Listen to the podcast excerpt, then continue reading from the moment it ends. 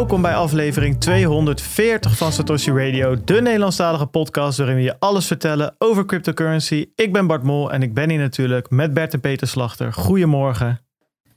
Good morning. Good morning. Goedemorgen en natuurlijk een gelukkig nieuwjaar. Ook aan alle luisteraars, gelukkig nieuwjaar jongens en meiden. Dat het maar een prachtig en gezond 2023 mag Ah, worden. voilà. Eigenlijk hadden we even met een glaasje bubbels moeten zitten nu. ja, Ik ja, heb wel het is hier gewoon- ik, een glas water. Ja, ik heb ook ik heb koffie en ook een glas water. Ja, daar houdt het op. Ik heb wel, ik had eh, wel bubbels met oud en nieuw natuurlijk, maar eh, nu eh, even niet. Het is ook half elf ochtends. Hè. Ik bedoel, het zou kunnen. Eh, Een soort Ja, met maar dus ontbijt schijnen ze dat toch te doen. Die Hollywood sterren inderdaad. bestaat niet voor niets. Nee, nee, nee, daarom. Dat is ook zo. Eh, deze podcast wordt mede mogelijk gemaakt door Anycoin Direct, Bitfavo, Watson Law, CoinMers, Blocks en BTC Direct. Alles wat wij vertellen is op persoonlijke titel en moet niet worden gezien als beleggingsadvies. Je ziet, die vul je nergens in. Eh, ook deze week weer, daar gaan we het nog wel over hebben. Pijnlijk duidelijk eh, eh, geworden. Ehm, Luke, Luke Dash Jr. natuurlijk. eh, een heel gedoe rondom het jatten. Of het, dat zijn bitcoin gestolen waren. Een core developer, bitcoin core developer, die zijn bitcoin kwijt is. Een luttele 206 uit mijn hoofd. Ja, het is een beetje onduidelijk hoe dat nou gebeurd is.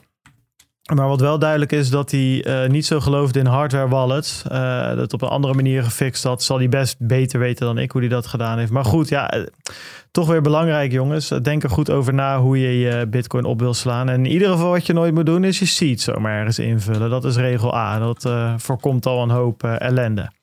Als je wil, laat dan 5 sterren achter op Spotify of like de video. Als je kijkt op YouTube.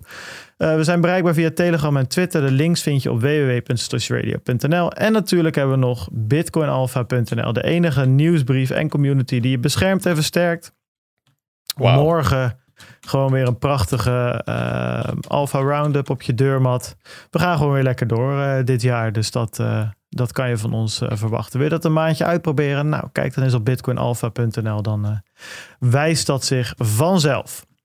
Nou jongens, hebben we deze week nog wat meegemaakt? Hoe hebben jullie oud en nieuw gevierd? Hebben jullie het überhaupt gevierd? ja, daar ontkom je niet aan. hè? Nee, heerlijk. Ik heb een hele leuke oud en nieuw gehad, moet ik zeggen. Mooi. Mijn broertje was er met zijn vrouw. En ik kon wel merken al rond een uur of, eh, nou eigenlijk al de hele avond, maar zeker om 12 uur, dat mensen goed gespaard hadden voor, eh, voor vuurwerk aankopen. Het, was Ja. hier, eh, het ging hier goed aan toe. En het is dat wel geinig. Dat, dat- je kunt gewoon zien dat er eh, heel wat mensen zijn, die hebben er echt wel wat geld tegen aangesmeten om van die grote potten te kopen, weet je wel. En dan zijn er twee of drie mensen in de buurt. Ja, die zijn even naar Frankrijk of België gereden. En wat zij dan afsteken, daardoor wordt alles wat die andere mensen gekocht hebben compleet ondergesneeuwd. Maar het ziet er gelijk lullig uit, terwijl ze wel honderden euro's hebben uitgegeven. ja, dat, dat vind ik dan altijd wel weer geinig om te zien. Maar dat is echt, wat een, wat een mooi vuurwerk is dat, joh. Ongelooflijk. Maar ehm, ja, ja, lekker. Ik, ik, eh, nog wel een tipje trouwens. Ik heb die avond ja, niet na 12, na, na 12 hebben we iets anders gedaan. Voor 12 was, ja, sorry, die avond is een beetje een blur natuurlijk, blur. begrijp je wel. Ja. Eh, hebben we een ehm, escape room gespeeld. En dat is dus niet dat je je hele huis verbouwt of zo tot es- escape room, maar dat is gewoon een, ja, een soort bordspel. Oh, ja, ja. het is een, je, je krijgt een soort eh, eh, decryptor, koop je, zeg maar. Dat, dat, dat is de, de, de, de- als je het spel nog niet hebt, dan moet je een soort van basisspel kopen. Daar, er zitten sleutels bij en, en die sleutels, die, eh, daarmee, die, die, die, die prik je in, die, eh, die ontsleutelmachine. en die geeft dan aan of je het goed hebt of niet. En dan bestaat zo'n zo'n spel uit drie rondes. Krijgt- Het is echt een heel goed uitge, uitgedachte, uitgewerkte puzzel. Maar- die je maar met hoe heet vier, dat vijf, dan? zes man... Ja, het heet, het heet volgens mij gewoon eh, eh, Escape Room, maar dan een analoge versie. Ik zat het op zoek. Escape Ja. Room Board Game. Eh, escape Room spel. Oh, kan je er ook niet Ja. allemaal eh, uitbreidingspakketten voor kopen? Dat Ja, zag ja, laatst klopt, bij, de, Dus- bij dus de Dunner in Rotterdam. eh, en dan niet de, de Dunner De kebab. Oh, ik kebabzaak. wou zeggen, wat is dat voor een creatieve Ja, combi? gewoon de dunne. Ja, hoe, noem je, hoe spreek je het dan uit? Het is gewoon die grote boekenwinkel. Ik weet bij ons zijn het gewoon Intertoys of zo. Nee, je hebt een in Rotterdam heb je een grote boekenwinkel die een hele bordspellenafdeling eh, heeft. En allemaal waar je ook de ani- anime en tekenfilms en strips en weet ik het allemaal. Nou, zag ik dit ook staan inderdaad. Ja, je, je, je- zo- zo'n spel start met een envelop die je moet openen. Er zitten allerlei attributen in. Er zit een verhaal in die het spel inleidt. En dan duik er eigenlijk een puzzel in. Ja, En die duren een uur ongeveer. Je moet het binnen een uur opgelost hebben, anders ontploft het apparaat. ja. Maar eh, ja, nee, dit is echt wel... eh, ik dacht, eerst dacht ik van, nou, dat kan niet heel veel zijn. Maar het is verdraaid leuk. Ja, een nou, goede tip. Eh, mijn vriendin houdt van bordspellen, dus wat dat betreft is het misschien wel een goede om eens een keer eh, een goede, hoe noem je dat, een goede indruk eh, te maken. Ja, ik ben niet zo heel, ik hou niet zo heel erg van bordspellen. Althans, als ik eenmaal speel, dan gaat het wel. Maar ik, bij mij moet, het is bij mij ook meer, maar ja, dat is een beetje de autist in mij natuurlijk. Ik moet van tevoren dat even weten. Zoals iemand even komt van, zullen we nu een bordspel gaan spelen? Heb ik vaak zoiets, ja, jezus, had ik even niet op gerekend om nu vier uur lang Monopoly te gaan spelen of zo, weet je. Maar het is vooral die dingen die zo achterlijk lang duren. Ja, Zo'n potje risk of zo, dat je dan om zes uur 's ochtends nog bezig bent. Maar de- dat- deze... Dit is, het is dus- natuurlijk een uurtje. Het is een uurtje en het is ook niet echt een bordspel in de zin van dat alle spelers tegen elkaar spelen. Het Nee. is, dit, je doet dit met elkaar. Dus je bent met z'n vier of vijf of drieën ben je gewoon bezig een verhaal aan het, eh, een, een, een, ja, aan het ontcijferen. Dat is echt wel heel leuk Ja, gedaan. dat is wel, dat is wel het, cool het inderdaad. samenwerken is wel leuk. Dat het niet een soort van. eh, het is ook wel fijn als je met heel. Soms zit je in een gezelschap met, met ongelooflijk fanatieke mensen. En dan, eh, dan, dan kan het soms een beetje uit de hand lopen, zo'n bordspel. En als je dan Ja. samenwerkt, dan is dat nog wel. eh, dan, dan wordt Ja. dat een beetje gemitigeerd. Nou, zeker. Dat, dat schijnt ook een hele nieuwe stroming te zijn in die bordspellen. Dat je dus in teams werkt, of in ieder geval samen naar een doel werkt. In plaats van dat het de bedoeling is om iedereen uit te knijpen en financieel aan de afgrond te duwen. Zoals bij Monopoly of zo, weet je wel. De grootste gore kapitalist ooit te worden. Dat was natuurlijk vaak wel het doel, ook met kolonisten tuurlijk. en zo. En eh, eh, Ticket to Ride eigenlijk ook. Het Is zijn allemaal leuke spellen, Je maar... hebt dan één winnaar en dit win je gewoon met z'n allen. Of, niet, dat je of je verliest met z'n allen. Ja, prima. nou, dat, dat, precies. Nou, dat is wel leuk. Nee, top. ehm, Maar ja, ik was- daarna, ja, toen, eh, wat was maandag de tweede, hè? Ja, ja, toen begon de week. Gewoon een beetje als vanouds weer, hè? Ja. Eigenlijk gewoon lekker aan het werk. En eh, nou ja, in, in, de, in de financiële markten rommelt het ook lekker door. Dus wat dat betreft eh, is het niet zo dat er nou een heel harde omslag is geweest of zo tussen 31 december en 1 januari. Nou ja, ik was in Berlijn. Dat was ook wel leuk. Ja, ik zag dat Eh. jij langs allemaal eh, een beetje Ik zag curryworst langskomen. ghetto-achtige omgevingen hebt ja, joh, wel, ik, kijk, wat ik altijd, ik, ik wandel natuurlijk veel en eh, dat eh, heb ik daar ook doorgezet. En wat het leuke is van, van wandelen in een onbekende stad, zeker als je geen route uitstippelt, maar gewoon gaat wandelen. Ja, je, je, komt, je, komt, ja, je zit toch wat meer in zo'n stad, weet je wel. Je ruikt eh, de winkels, eh, je hoort de mensen praten. je, je- ja, je ziet toch net wat meer wat er gebeurt. En als je op de fiets gewoon heb je dat ook wel, maar dan fiets je toch vaak redelijk lekker snel naar zo'n bezienswaardigheid of zo. En hier, ja, op een gegeven moment kwam ik langs Kirby plaats of zo. en dat was echt een soort van, ik heb veel Fallout 3 gespeeld vroeger. Dat is zo'n eh, post-apocalyptische wasteland game waar je dus nadat er allemaal nucleaire bommen zijn gegooid, eh, dat de mensheid een beetje in van die Mad Max-achtige outpost leeft, waar ze met eh bottle caps elkaar betalen en eh, ja, een soort van met alles wat er nog ligt, een soort van eh, favela-achtige nederzettingen hebben gebouwd. Of een beetje wat je ook in The Walking Dead hebt, dat ze echt Ja. ja, nog een, gewoon nederzettingen. En de Keupi-plaats bleek een of andere nederzetting te zijn. Een enorme gebouw, helemaal vervallen. En dat was in 1990 gekraakt. En daar zaten dus allemaal mensen die een soort van nieuwe samenleving wilden bouwen. En dat was ook toegestaan. Die zijn er een tijdje terug met z'n allen uitgeschopt. Maar dat zag er echt... Ja, het zag er wel vet uit of zo. Ik zou er niet willen wonen. Maar Maar ben je ja, er ook even binnen geweest? Nee, dat mocht, dat mocht niet. En volgens mij is het ook dicht inmiddels. Zijn al die mensen Oh. eruit geschopt een halfjaartje terug. Dus ja, dat kom je dan tegen. En dan loop je verder en dan zie je opeens een tentje waar het hartstikke druk is. Allemaal dikke Duitsers. Ja, blijkt dat eh, de beste curryworst van eh, Berlijn te zijn. Ja, even eentje meepikken natuurlijk. ja, en zo loop je dan een beetje door die stad heen. Maar jij hebt eerst moment, even eh, gegoogeld. Waarom zitten er zoveel dikke Duitsers op, Ja, op kijk, één dat plek? kan je natuurlijk wel doen. Als je dan ergens iets leuks ziet, dan, dan vind ik het wel leuk om even wat informatie erover eh, binnen te harken. Dus dat was eh, prima. Ik En hoe was die worst? Was die lekker? Worst was oké, maar je moet ze eigenlijk altijd met pommes nemen, met friet. Eh, had ik niet gedaan, dus ik had heel veel curry en een beetje worst. Ja, dat is toch lekker. Maar ja, Zit er geen was- zuurkool bij of zo dan? Nee, nee, nee, nee. Oh. Eh, heerlijke deuner natuurlijk. Want eh, Berlijn is de stad van de deuner. Dus dat was echt, had ik er op een gegeven moment, ja, was echt nice. En voor de rest hartstikke gezellig. En ik was met de trein. En ik moet je zeggen, dat was ook wel relaxed. Ik zou niet per se zeggen dat het het vliegtuig moet vervangen of zo. Want er zitten ook wel veel nadelen aan. Maar er waren wel een hij paar vliegt hele... bijvoorbeeld niet. Huh? Wat? Zeg maar, hij, hij vliegt bijvoorbeeld niet. Dat is wel een Nee. nadeel van... Hij vliegt niet, maar wat hij wel doet is glijden eigenlijk bijna. Dus op een gegeven moment als iedereen gewoon op zijn plekje zit... en dat ding gaat met 200 km per uur door een weiland heen...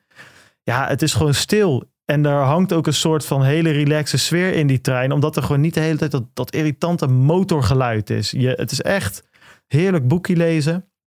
Fantastisch. Het enige probleem eh, is natuurlijk wel, ja, het duurt wat langer. Ik vond het ook niet goedkoop, dus er zitten echt nog wel nadelen aan. Maar bijvoorbeeld ook gewoon de trein instappen en niet door de security heen is ook wel heerlijk hoor. Reizen zonder security eh, en eh, douane en weet ik het allemaal. Er zitten wel een paar voordelen aan. Ik weet niet of ik het vaker zou doen. Dat ligt echt aan de verbinding, want niet alles is zo goed als naar Berlijn. Maar ja, best oké. Over boeken lezen gesproken. Ik had een tijdje terug een boek getipt. Ik heb hem inmiddels uitgelezen. Dus dat wil ik nog even op terugkomen. Om eh, inderdaad te bevestigen dat het echt een, eh, een, een leestip is. Het gaat om Tracers in the Dark. Dat is een boek van eh, Andy Greenberg uit mijn hoofd. En Andy, dat is wel in- interessant. Die schrijft dus al, ehm, eh, al jarenlang over, ja, het is, een techjournalist. En hij schrijft van die eh, onderzoekstukken. En dat doet hij voor Wired. En Wired is natuurlijk een van de grootste en oudste tech eh, magazines ter wereld. En ehm, ja, daar schrijft hij over hackers en over eh, ransomware en over hoe de overheid daar achteraan gaat met verschillende inlichtingendiensten. En nou goed, de cryptocurrency is hij vanaf het begin af aan eigenlijk al mee betrokken. En ik wist, ik had wel zijn vorige boek gelezen, ging dus over ransomware en hackersgroepen. Dat heet eh, Sandworm, ook een aanrader trouwens. Eh, maar nu had hij dus geschreven over eh, cryptocurrency. En de ondertitel van het boek is The Global Hunt for the Crime Lords of Cryptocurrency.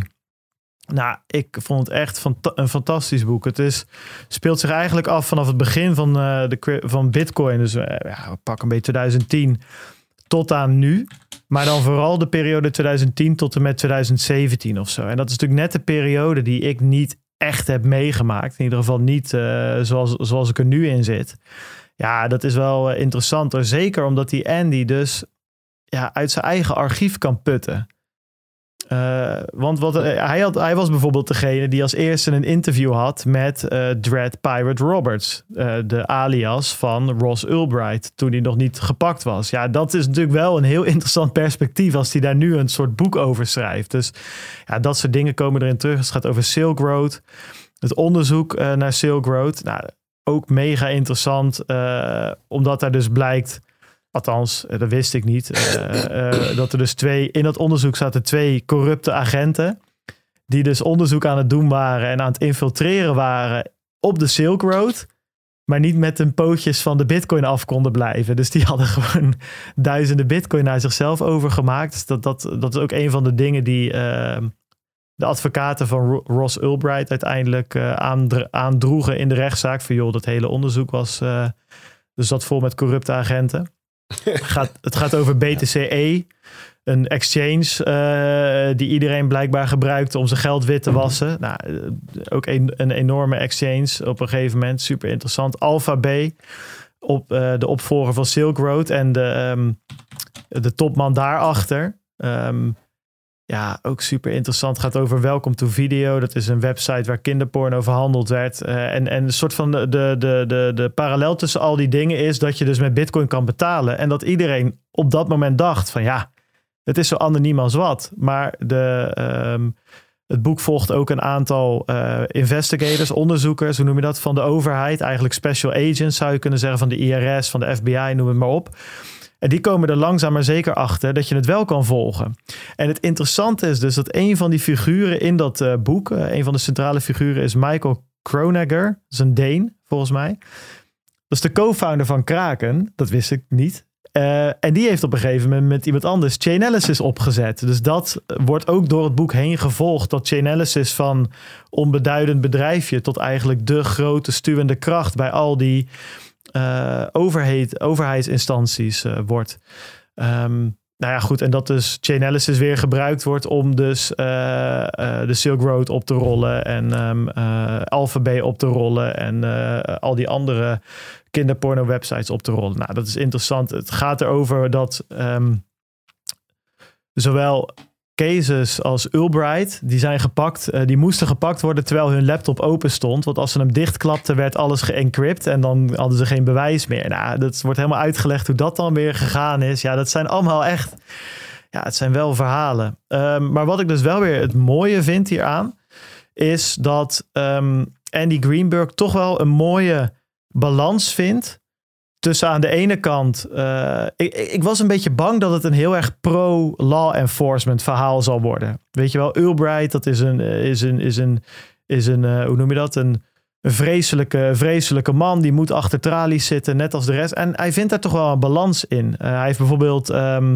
Alex Gladstein geïnterviewd. Hè, om te bespreken van, joh, is zo'n chain analysis nou wel goed voor dit wereldje?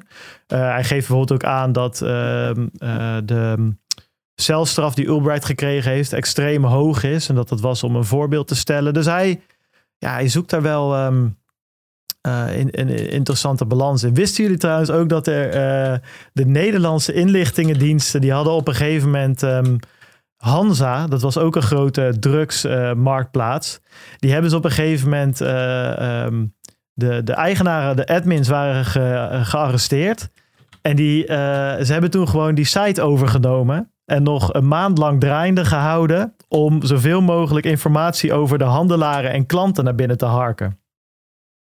Ja, Ja. Dat, eh, dat wist ik, ja. Ja, nou, dat vond ik wel interessant. En, en het grappige is dat daar ook weer, dat beschrijft die Greenberg wel mooi, dat er daar de balans, zeg maar, tussen. Want die mensen bij de politiediensten waren eigenlijk best wel trots dat ze de serviceverlening. Nou, ze hadden de code verbeterd van die website. het was gewoon een Ja. betere website geworden. dat, dat, dat doen ze vaker. Hè? Dat was toen ook toen die eh, geëncrypte telefoons waren ge- gedecrypt. Hebben ze Ja. ook dat een tijdje lang nog in de lucht gehouden. om zoveel mogelijk berichtenverkeer nog te kunnen onderscheppen. Ja. Ja, het is best wel een interessante ethische eh, discussie ehm, natuurlijk. Hè? Eh, of je zoiets kwaads, wat je eigenlijk dus offline wil halen, dan nog een maand moet draaien om dan meer kwaad te onderscheppen of zo. Ja, ik echt interessant boek. Ik ben er doorheen gevlogen. Het is 400 pagina's. Ja, ik was er eigenlijk in eh, twee treinritjes doorheen. Ehm waren dan wel twee treinritjes van acht uur. Nou, zes uur, maar... Je staat op mute, Peet. Maar je zat, je, je zat met je vriendin in de treincoupé. En in plaats van dat je Ik zei, ben een gesprekje ben je voert. zo'n speedreader of zo? Nee, ja, het, het leest gewoon wel- echt. Het leest lekker weg. Ja, ik kan er niks anders van maken. Het is echt. eh, Kijk, Ja, maar goed, in die 12 lui uur kan je elk boek zo'n zo- beetje lezen. Zit zo met een nou, dat denkt en Lex Friedman misschien, maar dat valt echt tegen hoor. Die wil, eh, die wil June in een week gaan lezen. Dat, eh, nou ja, goed, er is genoeg over gezegd, denk ik, over zijn leeslijstje. Maar zei Ju- eh, is het June of Dune? Ja, June, hangt vanaf waar je woont volgens mij. Is Maar het? Ja. In Amerika Ja, over, is het uit- June. over uitspraak gesproken. Het is volgens mij ook Ross Ulbricht. Ulbricht, nou, bij deze. Eh, Ja, we hadden Ja. ook met de hele wereld had ook eh, een, een, eh, een, een explosie nodig voordat we het Sam Bankman Fried in plaats van Fried noemden. Dus wat Ja, dat betreft. Precies. nou goed, Ros Ulbricht dan.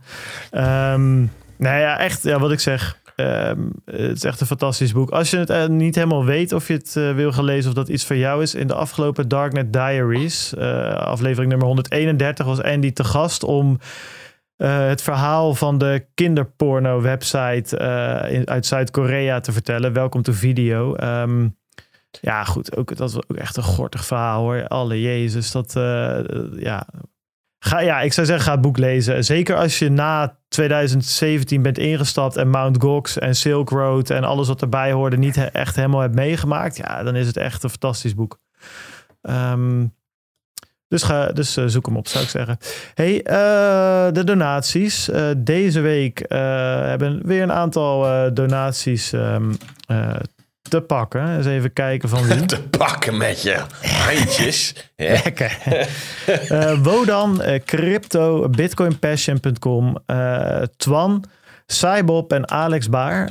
Nou, thanks jongens voor de donaties. En Cybob die heeft zelfs een eigen noot erbij. Dus ja, dan weet je hoe laat Applaus, het is. Daar hè? krijg je een Ja. applausje voor.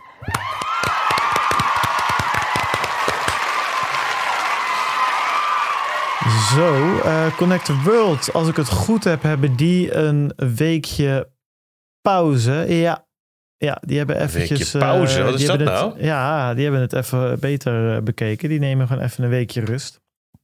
Dat Maar, kan. maar ze publiceren toch wel?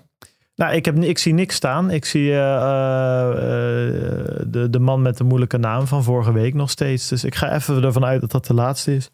Oh. Oké. Okay. Okay. Hey, lijkt het mij tijd om uh, zachtjes aan naar de marktupdate te gaan, uh, Bertus? Dat kan. Dat kan. Hebben we daar wat uh, te, te, te bespreken? Nou, ik zat eens even naar de Bitcoin grafiek te kijken. Daar is niet zo achterlijk veel over te zeggen, want dat is echt de rust zelf. Terwijl daaromheen in andere financiële markten dingen alle kanten op wapperen. Ik zag vorige, zeg maar, vorige week, of de week, ja, was het volgens mij voor oud en nieuw. Um, um, Tesla nog flink door de grond zakken. Nou, toen kwam natuurlijk oud en nieuw. En dan was volgens mij 2 januari ook nog een, vrij, een vrije dag in Amerika. Of in ieder geval een dag dat de beurs dicht was. Toen ging op 3 januari de boel weer open. En toen Tesla zakte weer door de, door de vloer naar beneden. Met nog een keertje min, min 14% of zo. En aan de andere kant van de plas, daar ligt natuurlijk China. En daar zag ik Alibaba echt met een enorme groene candle heel hard omhoog gaan. Dus er gebeurt van alles overal ter wereld, maar niet bij Bitcoin. Bitcoin ik vond het die... grappig, er waren een aantal. Ik las op Twitter iemand die zei. Um, uh, investeerders komen er, zijn erachter gekomen dat Tesla toch geen techbedrijf is, maar, maar wel een, automaker. ja, dat is natuurlijk jarenlang andersom gezegd. Nee, Tesla is een techbedrijf. Vond ik wel ja. grappige teken. Of het waar is, dat, dat moet de toekomst maar, uit gaan wijzen. Maar Tesla heeft, heeft ongelooflijk veel wind tegen. Hè. Natuurlijk de hele uh, macro-economische omstandigheden. Dus de, de, de, de rente die omhoog gaat. Nou ja, Tesla die moet het vooral hebben van de toekomstverwachtingen, de hockeystick. Daarnaast hebben ze hun doelstelling gemist van hoeveel auto's ze wilden produceren dit jaar. Daarnaast bouwt zich een flinke uh, hoeveelheid voorraad op. Dus produceren we auto's, maar niet alles wordt ook verkocht. Dus er zijn verschillende ja, um, dingen die bij elkaar komen, dat, dat er wat teleurstelling is, zeg maar. Ja, en over, uh, Musk is natuurlijk uh, ja, vooral ja, met precies. andere dingen bezig. Precies, Musk is aan het hobbyen in plaats van zijn bedrijf aan het besturen. En uh, vorig jaar was hij nog Man of the Year bij Time. Nou ja, dat schijnt een soort van contra-indicator te zijn. Het gebeurde met Jeff Bezos ook het jaar voordat Amazon min 98% ging of zo. dus, dus als ze ooit Satoshi Person of the Year maken, dan verkoopt dan je bitcoin. dan is het echt af afgelopen. Maar goed, um, ja nee, Bitcoin redelijk rustig. Dan kunnen we die meteen wel even bijpakken. Hebben we dat ook uh, besproken. Um, want ik heb hier namelijk een grafiek voor mijn neus met de uh, Bollinger Bands. En de Bollinger Bands van, volgens mij heet die man John Bollinger. En die heeft bands bedacht. Die heeft hij naar zichzelf genoemd. Hè, altijd bescheiden Amerikanen. En um, die, dat, is, dat is eigenlijk een soort... zeg maar twee sigma om de grafiek heen. Hè? Dus wat is dat ook alweer het Nederlandse woord voor um, um, sigma? Um, in de normaalverdeling. Ja, Peet staat weer op mute namelijk. Standaard deviatie. Juist, standaard deviatie. Twee standaard deviaties afstand van de prijs. van de afgelopen 20 dagen. En dan geloof ik nog twee verschillende moving averages of zo. In ieder geval zoiets. Maar het, is, een, het is een maat voor volatiliteit. Hè? Dus hoe bewegelijk is de koers. En daarmee zeg je eigenlijk met volatiliteit. Die doet een uitspraak als het gaat om historische volatiliteit. Over wat was nou zo'n beetje de beweging van de koers rondom het gemiddelde. Hè, in de afgelopen tijd. Heb ook nog zoiets als de geïmpliceerde volatiliteit. En dan kijk je naar de toekomst. Is bijvoorbeeld de VIX-index. Dat is de, de verwachte volatiliteit in de komende 30 dagen op basis van de opties um, uh, op de S&P 500. Uh, maar dit, dit kijkt naar het verleden en die, die staat op um, de Bollinger Bands breedte. Dus die staat op het, op het laagste punt uh, sinds 2016. En toen was het even, even uh, smal, zeg maar. Even afgeknepen, even um, rustig. Wel vergelijkbaar met uh, juli 2020. Eigenlijk vlak voordat dus de nieuwe boelmarkt begon. Maar ook um, november 2018, vlak voordat de capitulatie van de bearmarkt toen er was. Dus het, hoeft, het, heeft, het, heeft, het is verder geen signaal van, oh, nu gaat er een stijging plaatsvinden of juist een daling. Um, het is gewoon rust. Uh, iemand die vroeg het ook nog aan uh, meneer Bollinger himself. Want die zit namelijk gewoon op Twitter. Uh, Bbands heet hij daar. En daar kun je, en hij, iemand vroeg van, joh, is dit, um, is het, het laagste wat het ooit geweest is? John, zie je dat ook? En toen zei hij van, ja, dat klopt. Maar het enige wat, wat ik interessant vind, is als je een squeeze krijgt en daarna meteen een grote beweging. En anders zit er eigenlijk geen signaal in. Dus het heeft niet de betekenis van nu gaat er iets groots gebeuren per se of zo. Er zit niet heel veel voorspellende waarde aan. Maar het is wel opmerkelijk dat het dus Bitcoin opnieuw ehm, heel rustig is. Eigenlijk ook wat het al was voor de FTX-crash. Eigenlijk heeft het die rust weer gevonden. Ja, en je zou toch kunnen zeggen, ook als je kijkt naar uh, volume van futures en zo, dat heel veel speculatie is weg. Uh, heel veel grote spelers zijn weg. Sommige grote spelers zijn ook gewoon failliet. Alameda bijvoorbeeld. Three Capital, uh, dat soort bedrijven. Misschien dat Genesis op momenteel ook wat anders aan zijn hoofd heeft dan marktmanipulatie. Uh, dus het is, uh, het, het, het, is, het is even wat rustiger op de Bitcoin-markt. Nou, um, wat het betekent gaan we, ja, ik, ik zou het niet weten. We gaan het gewoon eens even afwachten hoe dat zich gaat ontwikkelen. Um, we weten historisch gezien dat een, een asset class als Bitcoin um, ja, wel heel volatiel kan zijn. Dus het kan maar zo zijn dat we over twee maanden terugkijken en dat er dan weer een grote beweging heeft plaatsgevonden naar boven of naar beneden who knows. Um, laten we eens even over wat andere dingen hebben. Want vandaag wordt het even een beetje een soort van, um, hoe, noemen ze, hoe noemen ze dat? Een bloemlezing, een potpourri. We gaan even wat verschillende onderwerpjes langs. Um, ja, we moeten even over de inflatie hebben. Morgen komen de inflatiecijfers van Nederland. Voor het eerst zowel de HICP als de CPI gelijktijdig. Dat was vorig jaar altijd zo irritant. Dan had je op de laatste dag van de maand had je de flash HICP-cijfers. Dat is een soort van voorlopige cijfers op basis van de data die ze tot dat moment he hebben. En dat is ook nog, nog sommige data komt pas later binnen. Um, uh, en dat was eigenlijk altijd het grote persmoment. Want dan dat je dat, dat doen andere Europese landen ook. En dan, dan gaat het over wat, wat de inflatiecijfers van de maand. En dan kwam, ja, uh, soms een week later nog eens even de CPI. En nog een keertje een definitieve HICP. Maar dat was dan altijd of het werd helemaal genegeerd, dat nieuws. Of er was gewoon opnieuw een soort van verontwaardiging. Maar dan twee keer hetzelfde of zo. Dus dat hebben, gaan ze nu recht trekken. Ze gaan het nu gelijktijdig doen. Dat is morgen voor het eerst. Ja, en ik denk dat we kunnen verwachten dat de inflatie een stuk lager gaat zijn dan de vorige inflatie. Uh, getal, zeg maar. De, de jaar op jaar inflatie over de maand november was dat. Nu krijgen we die van december. Um, en, en, en dat komt onder andere door de energieprijzen. Hè. Ik heb hier even de, de, de TTF futures voor me. Dat is de, um, de aardgasprijs in Nederland. Op de grootste, zeg maar, de, de, de Nederlandse aardgas exchange. Dat is een beetje maatgevend in Europa voor de aardgasprijs. En die staat op um, 65 euro per megawattuur. En dat was op zijn hoogst 345. Dus dat is gewoon 80% gedaald. Het zit nu op dezelfde uh, koers als in november 2021 en september 2021. Dus dat is dus uh, anderhalf jaar geleden bijna. Hè? Dus het is echt enorm omlaag gekomen. Gedeeltelijk ook door het warme weer. Gedeeltelijk ook omdat het, zeg maar, het ver omlaag komen, dat kon ook omdat het ver omhoog gegaan is. En het ging heel ver omhoog omdat in Europa alle landen tegelijk op een extreem grote snelheid zijn gaan hamsteren. Hè, dus die opslagen zijn gaan vullen in de zomer. Dat zorgt voor enorme tekorten en dus voor hele hoge prijzen. Maar goed, daardoor is wel die voorraad gevuld. Ja, die is nu gevuld. Er kan nu niet zoveel meer bij. Dus het heeft, ja, weet je, nu is het klaar. Dus nu, nu, je ziet nu eigenlijk de prijzen van ja, de komende, hè, het komende seizoen zou je haast kunnen zeggen. Hè. Dat, dat is eigenlijk waar we alweer mee bezig zijn. Want met die voorraden en de flow die er is, zing je het, ja, tenzij het natuurlijk weer vier Elfstedentochten krijgt, maar zing je het in principe uit. En dan is nog weer de vraag van hoe komt het dan dat de energierekening niet naar beneden gaat? Ja, dat komt dus doordat al die energiemaatschappijen ver in de toekomst inkopen. Dus ze kopen nu in voor, ja, voor over een week en een maand en een half jaar. Dat is natuurlijk een hele portefeuille aan um, instrumenten die ze daar hebben. Dus ja, het, we betalen nog de hoofdprijs. Um, en ik denk ook dat energiebedrijven niet echt meer een incentive hebben om die prijs omlaag te laten komen. Want mensen hebben toch die price cap van de overheid, hebben die gegarandeerde lage prijs.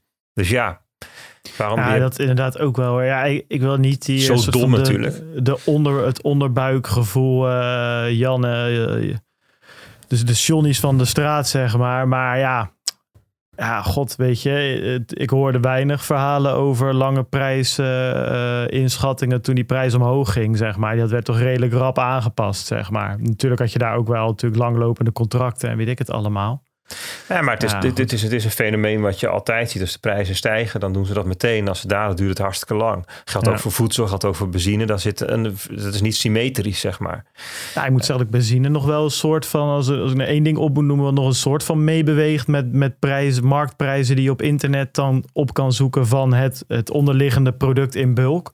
Klopt. Ehm, ja, Klopt. goed. Die, zitten er, die zitten er het snelste op. Overigens, dat is wel leuk om even meteen naar over te stappen. Hè. De olieprijs, ehm, die is nu 74 dollar per vat. Dat was op zijn hoogste punt eh, boven de 120 dollar per vat eh, vorig jaar. Ehm, en we zitten nu op het niveau van eh, november 21, van juli 21, van oktober, september 2018. Hè, dus het is de, de, de, de olieprijs nu, ja, dat is niet meer een extreem hoge.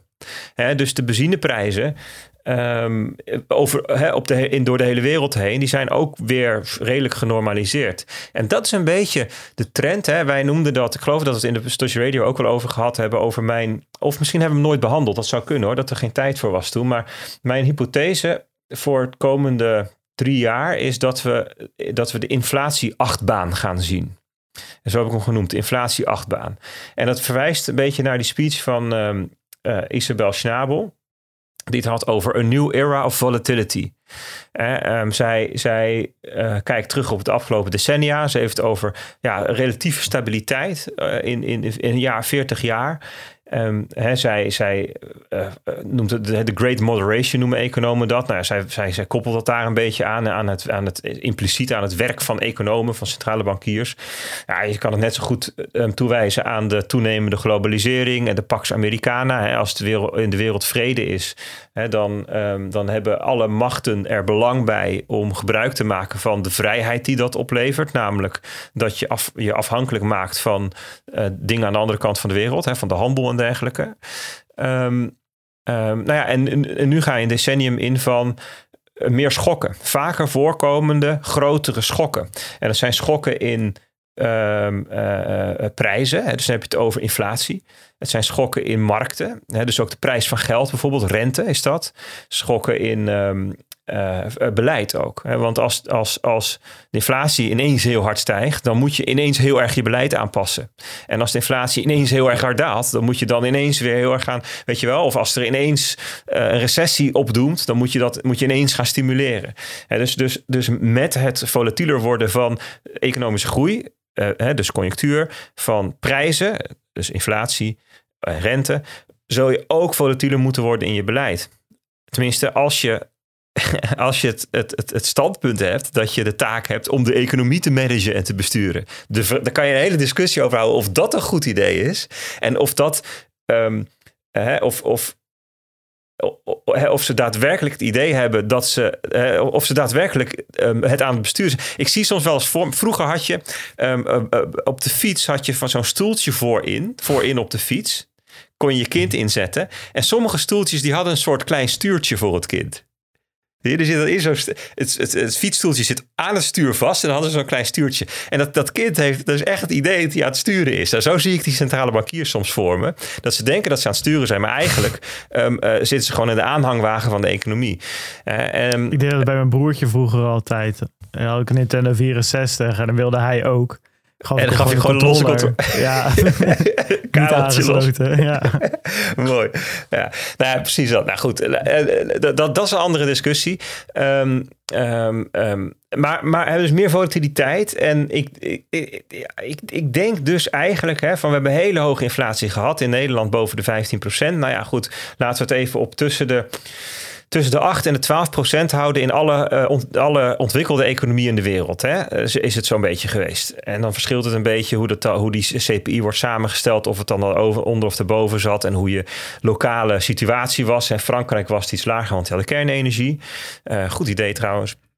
Ehm, ik zag trouwens, eh, van de week hoorde ik weer een, podcast en, en ook las een draadje over van mensen die waren aan het uitleggen waarom het ehm, eh, een zelfgemaakt probleem is dat kerncentrales bouwen tien jaar kost. Dat hoeft helemaal niet. Het kan ook gewoon in twee of drie jaar. Alleen, ja, we hebben met elkaar bedacht dat dat zo lang moet duren. En ja, dan duurt het dus zo lang vanwege vergunningsaanvragen en wachtperiodes, zodat um, milieuactivisten kunnen demonstreren. En weet ik wat allemaal voor zelfbedachte vertragingselementen.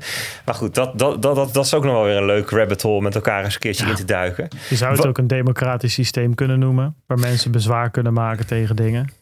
Ja, tuurlijk. Alleen um, um, dat, dat, je zou dat hetzelfde kunnen doen als bijvoorbeeld um, windmolenparken of uh, kolencentra of gascentrales. En je zou dat niet per se langer hoeven te laten duren. Die kunnen namelijk ook in. Een parkje neerzetten, dat duurt ook wel uh, vijf plus jaar hoor. Als je alle vergunningen en zo moet uh, binnenharken. Op een nieuwe plek dan hè? Misschien kunnen we een keer Tesla Radio uh, maken. Dan kunnen we hier eens uh, wat uitgebreider induiken. In nou ja, die windpark heb ik toevallig van dichtbij meegemaakt. En dat kan echt uh, jaren duren. Inderdaad, door bezwaren, ja, ja. gemeenteraden die veranderen... en opeens weer terugkomen op eerder gemaakte beslissingen. Dat is een heel bureaucratisch rotproces. Maar ja, aan de andere kant, ja, weet je... Misschien geldt daar wel hetzelfde voor. Hè? Je zet wel dingen neer in, in mensen achtertuin. Dus ja... Maar ja, het is toch wel, het, is wel een, een, interessant. Kijk, het is niet alleen maar een politiek of rantachtige discussie. Dit, is, dit gaat wel ook over de economie. Hè? Want um, uh, zeg maar de energiezelfstandigheid is voor het komende decennium wel een belangrijk thema. Hè? Hoe, hoe snel kunnen wij als Europa um, ervoor zorgen dat we ons broek kunnen ophouden? Want we, we redden nu de winter. En nu wordt het weer heel spannend hoe we volgend jaar de gasvoorraden vol gaan krijgen. En we hebben dus allerlei industrie uitgezet nu.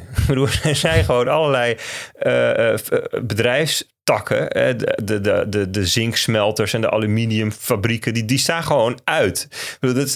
Dan, zeg je, oké, ja, we, zijn nu niet, zijn nu minder afhankelijk van Rusland voor onze energie. Ja, we zijn dus nu afhankelijk van weet ik veel waar voor onze, voor onze aluminium.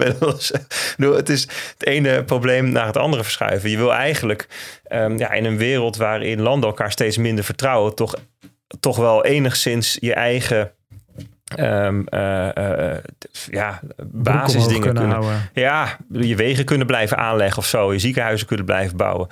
Um, uh, we hadden over inflatie, die heel hoog. Mm En, en ja, wat je nu eigenlijk ziet, op allerlei plekken zie je signalen dat die heel erg omlaag aan het komen is. En dat was mijn hypothese van die achtbaan. Um, die inflatie die gaat veel sneller en veel verder omlaag komen dan iedereen denkt. Hè? Want het was altijd van ja, we moeten nog maar zien of het een beetje omlaag komt en dan blijft het hoog. En het punt is dat mensen met die.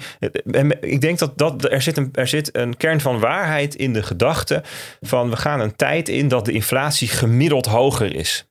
En men, men zegt dan een, een nieuw regime of zo. Hè? Een ander regime waarin we niet noodzakelijkerwijs teruggaan naar de inflatie van laag, van 0%. Hè? Dat was natuurlijk afgelopen decennia dat die inflatie de neiging had om heel erg naar, eh, richting die 0% te gaan. En dat had dan allerlei redenen. Hè? Vergrijzing, eh, globalisering, eh, automatisering, robotisering. Dat hebben we ook vaak genoemd. En dat was ook toen, toen die eerste uh, inflatieschokken kwamen in 2021, aan COVID-gerelateerde aanbodsproblematiek, hè, dus de, de hout, timmerhout, wat heel duur werd, bouwmaterialen, uh, containers, uh, dat, soort, dat soort zaken. Over die containers gesproken, ik had het grafiekje toevallig net even opgezocht, omdat je hebt natuurlijk over olie en gas en weet ik, ik dacht pak die er nog even bij, is ook wel interessant. Die zit dus weer op het niveau, ik heb even Shanghai naar Rotterdam oktober 2020 2200 dollar. En we zitten nu weer ook op 2200 dollar. En met een uitschieter in september 21 op 14.500. Ja. Dus daar zijn we ook eigenlijk wel weer terug uh, bij af. Klopt, dan kom ik zo terug. in dit geval. Heel goed, dit is een heel mooi datapunt ook. Kijk, wat, wat we in het begin zagen was dat deze dus heel erg omhoog ging naar 14.000 dollar. Um, en dan, dat, dat is iets wat voorbijgaand is, van aard. Want het punt is, dat kan je gewoon oplossen. Containers kun je bouwen, leveringsketens kun je herstellen. Um, dus, dus mijn hypothese was toen zeker ook nog, dit gaat uiteindelijk is er een hele sterke pool, een zwaartekracht naar weer terug naar die 0%. Um, ehm, en het zou kunnen dat we daadwerkelijk nu een tijdperk ingegaan zijn dat die, dat die inflatie niet meer van nature naar 0% toe gaat, maar hoger. En dat dat, dat dat te maken heeft met deglobalisering, met een multipolaire wereld, met minder vertrouwen tussen landen, noem het maar op. Met, met het reshoring, het terugbrengen naar je eigen grondgebied van productie. Could be. Maar dit is een seculaire kracht. Dus dit is iets wat zich afspeelt over termijn van 15, 15 jaar. we hebben het nu over, de, over iets veel, een veel kortere beweging. Namelijk die, die, die, die, die, die, containers worden heel duur. En daar reageert de markt op door het te fixen. En daarna worden ze weer goedkoper. En, um, um, dus je hebt even een prijsstijging en daarna daalt de prijs weer. Dus dat is, betekent eerst inflatie, dus prijzen worden hoger. En daarna deflatie. Dus niet disinflatie, maar deflatie. De prijzen worden weer goedkoper. dus dat is een, een, een, element dat negatief bijdraagt aan de CPI. dus mensen denken vaak van ja.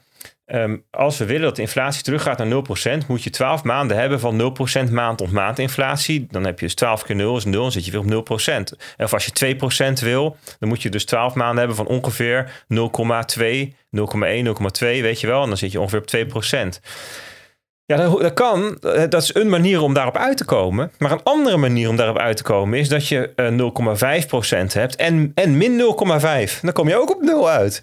En er zijn um, allerlei aanwijzingen dat er, uh, dat er zeg maar, componenten van de CPI ja, richting nul of richting negatief gaan. Nou, we noemen net de olieprijs al, die terug is, of zelfs straks lager staat, een heel stuk lager staat dan een jaar terug. De gasprijs staat straks een heel stuk lager dan een jaar terug. De containers, die zijn even duur als in 2020, zei Bart net, die staan straks lager dan een jaar geleden. Misschien staan ze nu al lager dan een jaar geleden. Nou, ik heb hier de fertilizer. Zeker, zeker. Want vorig jaar, november 21, was het alsnog 13.500. Precies. Dat is uh, min 500 procent zo ongeveer. Dus, dus, transport is goedkoper. Ik heb hier fertilizer. Dat is, uh, dat is um, uh, kunstmest. kunstmest, ja. Voor, um, dus die, dat is best wel een belangrijke component en ook een aanwijzing voor de voedselprijzen. Ja, die is nu goedkoper dan in zeg maar het goedkoopste in 2020. Hè? De, die, zit, die zit nu op uh, um, ik zeggen, de jaar op jaar uh, prijswijziging daarvan, die is nu negatief. Ja, die staat nu op min 40%. En die stond op plus 200% vorig jaar. dus ja, dat is een aanwijzing dat voedselprijzen wellicht omlaag gaan komen. Um, even kijken. Ik zag gisteren een bericht dat de chips, um, dat er chips overschotten zijn voor bijvoorbeeld geheugen en zo, computergeheugen. En dat heeft ook te maken met dat er minder smartphones worden verkocht. Dus je, van chips tekorten naar chips overschotten. Chip glut noemen ze het. PlayStation 5 zijn weer op voorraad. Raspberry Pi's zijn weer te bestellen. Althans, Precies. die beginnen weer te komen. Dus dat, dat, zijn dingen dat we echt maanden, zo niet jaren uh, natuurlijk hebben meegemaakt. Dat je die, die bots moest bouwen om ze te scalpen, die dingen. Bart had over de shipping rates van uh, uh, China naar Nederland. Ja, Shanghai, Rotterdam. Ja, precies. Ik heb hier een, grafiekje met vijf verschillende shipping rates. Ook naar Amerika toe en naar de Mediterranean. Allemaal in free fall. Um, de ISM Prices Paid Index. Dus het gaat over de manufacturers die, die wat zij betalen voor, ik, denk ik, hè, voor hun, het inkoop van hun spullen. Is um, weer terug op het niveau van corona 2020. Um, rent in Amerika, dus de huur, is aan het dalen voor de vierde maand op rij. Dus je ziet het allerlei ingrediënten van die CPI laten nu zien van oké, er zit. Um, er zit niet alleen uh, straks die base effect, dus dat het net zo duur is als vorig jaar, dus, dus naar 0% tendeert, maar zelfs dat prijzen goedkoper zijn dan vorig jaar, dus negatief bijdragen. Dus het zou mij niet verbazen als ja, de kerninflatie Um, die lagt heel erg, heeft hele grote vertraging. Hè? Dus de lonen die worden nog wat verhoogd. En er zijn allerlei dingen die met ongelofelijke vertraging pas doorwerken in, in de prijzen. Nou, in Nederland zie je bijvoorbeeld dat de energie pas veel later um, omlaag komt dan dat de, de gas goedkoper wordt. Sure, maar er zullen ook ingrediënten zijn die nu al negatief gaan bijdragen. Dus dat is interessant om in de gaten te houden. Dus ik verwacht morgen een wat lagere CPI en dat het volgende maanden doorzet. Uh, het zou mij niet verbazen als we voor de zomer of zo al in de buurt van 3% zitten. En misschien ehm, eh, eind van de zomer Q3 wel richting de uh, nul gaan. Het zou, het zou helemaal niet gek zijn. Moet je niet van schrikken als dat gebeurt. En dat is natuurlijk heel interessant, want dan is de vraag wat doen centrale banken dan? Want dan hebben ze namelijk hun doel gehaald van, van of ze gaan richting hun doel van prijsstabiliteit. En dan is de vraag, hoe zit het dan met de economie? Um, is die dan nog steeds blakend van gezondheid? Hè, zoals men nu um, het hele vorige jaar gezegd heeft. En daar, daar, daar moeten centrale bankiers Ehm, eh, vooral in Amerika, die waren er heel uitgesproken over, best wel uh, gelijk ingeven. Daar die, economie die heeft zich kranig verweerd tegen die, um, die, die forse remactie. Um, werkloosheid nauwelijks gestegen economische groei neemt niet echt heel erg af. Het, het, gaat, het vertraagt wat. Ja, komt er een recessie? Ja, dus de meningen zijn er heel sterk over verdeeld. Van nee hoor, ehm, we hebben alleen wat vertraging van de economische groei. Dus wat lagere economische groei dan anders zou zijn geweest. Tot we krijgen een milde recessie. Tot we krijgen een hele grote, stevige, diepe, ernstige recessie. En alle smaken zitten ertussen. En uh, voor alle uh, uh, smaken zijn Ehm, ja, data en aanwijzingen en onderbouwingen te vinden. En ja, ik weet het niet. ik denk, dit is gewoon. Um, de, de, zeg maar de, de, de, de mainstream opvatting is een milde recessie. In ieder geval een hele, hele controleerbare, beperkte recessie met een heel klein beetje extra werkloosheid. En dat is alleen maar goed, want die arbeidsmarkt is overspannen. En dan snel herstel. Het zou kunnen. En als dat zo is, Ehm, ja, dan zou het kunnen zijn dat centrale bankiers gelijk krijgen. Namelijk dat ze de rente nog wat verder verhogen. In Amerika nog naar 5,25% in Europa naar 4% En dat ze dat een hele tijd hoog kunnen houden. En het voordeel van ehm, het een tijd hoog kunnen houden is dat je al die tijd remt. Hè, dus dan zijn de financial conditions die zijn um, uh, krap. Hè. Dat betekent is moeilijk om te lenen als bedrijf. Dus investeren is duurder, investeren is selectiever.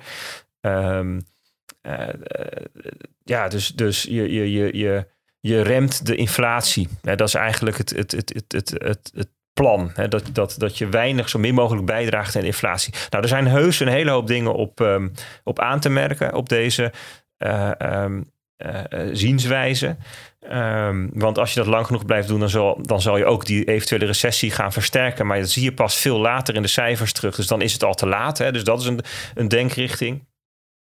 Um, dus, dus, dus van. van uh, er, zijn, er zijn ook mensen die zeggen: joh, je moet eigenlijk nu stoppen al met verkrappen. Want Um, je ziet de inflatie al omlaag komen. Dus alles wat je nu doet gaat nog over met vertraging daarna nog allemaal uitwerking hebben. Dus je bent eigenlijk al, je loopt weer achter de feiten aan.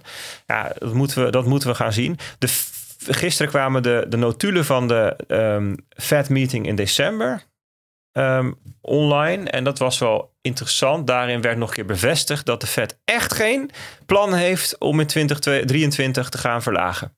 Dus nog een keertje expliciet gezegd. En er werd ook gezegd, ook wel grappig. Ja, we willen, we willen echt voorkomen dat de markt denkt dat we gaan verlagen. Want dan gaan al die assetprijzen weer omhoog. En dan, dan werkt dat het, ons, ons beleid tegen. Dus koop alsjeblieft geen aandelen, jongens, want dan, dan werk je ons beleid tegen. Nou ja, wel, wel, wel interessante uh, shit om te zien gebeuren. Nou, zij zien dus geen renteverlagingen. Nou heb ik eens even uitgezocht hoe dat in eerdere jaren zat.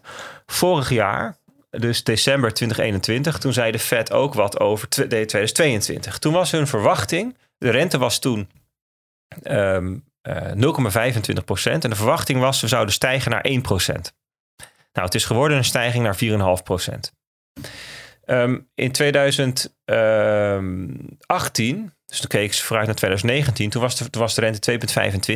De verwachting was de rente zal ietsjes oplopen naar 3 procent, dus drie keer een kwart erbij. Het werd een daling naar 1,75 procent, dus twee keer een kwart eraf. Het zijn even twee voorbeelden. Er zijn ook jaren dat ze het wel prima hebben voorspeld. Want in 2017 uh, toen um, gingen ze precies, hebben ze precies gedaan wat ze hadden voorspeld. In 2020 ook. Toen was nou, we blijft gelijk en het bleef ook gelijk. Um, in, dus dat is de verwachting in december 2020 voor 2021. Maar het gebeurt dus ook uh, geregeld dat ze er echt totaal naast zitten wat hun verwachting is en wat daadwerkelijk gaat gebeuren. Dus ja, we moeten misschien dit soort verwachtingen ook een beetje met een korreltje zout nemen. Dit is als er in het komende jaar niks nieuws gebeurt, dan gaat dit eruit komen. Nou ja, en onderdeel van die volatility waar we het over hadden, is dat dus ook de kans groot is dat er van alles en nog wat aan nieuws gaat gebeuren. Dus nou ja, dat is wat we. Um, dat is een beetje de. Ja, een beetje defetistisch of zo. Van ja, je, je kunt het allemaal toch niet weten. Dus we gaan het maar zien of zo. Een beetje zo'n soort houding gaan we dan het nieuwe jaar in. Ehm, ja, want, want we kijken hier natuurlijk ook naar vanwege eh, ehm, ja, eh, eh, de, de cryptomarkt. Die, die heeft dit gewoon ook als tegenwind. Ja, wat moeten we daar dan mee? Ja, dus gewoon ook maar afwachten. Ehm, de volatiliteit is heel laag. Dus er is de, handel, de, de handelaars, speculanten zijn weg, grote partijen zijn omgevallen. Ja, Peter zei het volgens mij vorige week al. Ik verwacht een heel saai jaar. Ja, dit zijn allemaal, is allemaal data die dat in principe ondersteunt.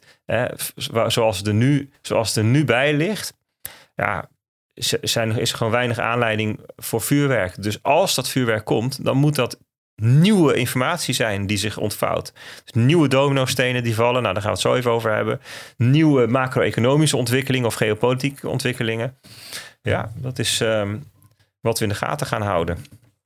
Volgens mij um, is dat wel mooi. een uh, mooi einde van de marktupdate. Kunnen we naar die dominostenen gaan? Want daar zag ik in de show notes een heel lijstje van staan. Ja, misschien wel goed om die van uh, FTX er even gelijk bij te pakken dan. Want dat is toch de grootste domino-steen van 2022 geweest.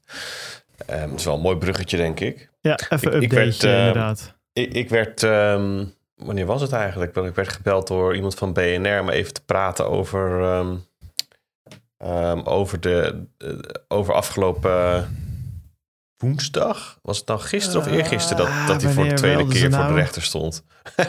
Dinsdag. Nee, ik denk woensdag. Ja, het voelde als dinsdag, maar dat kwam dat ik maandag in de trein heb gezeten. Dus ik denk dat het woensdag was. ja, die, die, dat kerstvakantieritme is nog, toch nog niet helemaal uit. nee, nee, dit, nee. dat ik maandag in de trein zat. Nee, klopt. Dat maar was even... het, het, het, het grappige tussen aanhalingstekens van van um, uh, dat hele FTX-debakel. Dus we hebben nu twee tracks eigenlijk. We hebben één track van de, het afwikkelen van het faillissement. Um, nou, ik denk dat daarvan marktbreed wel um, de consensus is van... nou, dat gaat wel even duren. Hè? Dus daar, daar hoor je ook niet iedere week iets nieuws van. En je merkt ook niet dat daar heel veel journalisten bovenop zitten of zo. De andere track is dat SBF een rechtszaak aan zijn broek heeft gekregen. En daar geldt dat nog niet voor. Dus daar zitten ook journalisten nog wel bovenop van... oh, hij, de, hij komt voor de rechter staan. Wat, wat nou, moeten we daarmee? Sterk, sterker nog, vaak als ze dan bellen van eh, BNR vaak... dan zeggen ze, ja, hij staat vandaag voor de rechter. Hè? Um, en uh, wat vind je daarvan? Dus toch Jij, bellen ze, oh, oh. Nou ja, dan is het vaak wel even kijken welke rechtszaak nou weer, weet je wel. Want ja, meestal is het voor mij toch even woensdag, donderdag, dan is het moment dat ik alles bij elkaar schraap, zeg maar. Dus daar niet dat ik elke dag die rechtszaak zit te volgen. Dus uh, ik moet zeggen dat ze daar behoorlijk scherp op zitten. Uh, wanneer die weer, ergens moet verschijnen, inderdaad. Ja, klopt. Meestal krijg je wel mee, natuurlijk gewoon gedurende de week, dat er iets aan zit te komen. En wanneer dan die, uh, die rechtszaak is en zo. Maar de details, ja, daar zit je eigenlijk zelf ook pas in als het gaat gebeuren of als iemand ernaar vraagt. Uh, en um, ja, ik moest me dus ook even inlezen. Ik dacht van ja, ja, hij komt voor het eerst, maar hij komt natuurlijk niet voor het eerst voor de rechter te staan. Het is de tweede keer. En um, dat heeft te maken dat dat, dat voorgeleide van zo'n verdachte, dat gebeurt in de VS eigenlijk in twee stappen. Dus de eerste stap is um, dat iemand op de hoogte wordt gesteld. Dus meer een soort FYI van joh, je bent verdacht. Um, en dan wordt er direct ook uh, handjeklap gedaan over een eventuele borg en borgsom. Nou, dat, dat hebben we dus gehad. Dat was die eerste keer. Dat handjeklap, dat, uh, dat viel in het voordeel uit van SBF. Dus die zit lekker warm en droog bij zijn ouders thuis in Californië.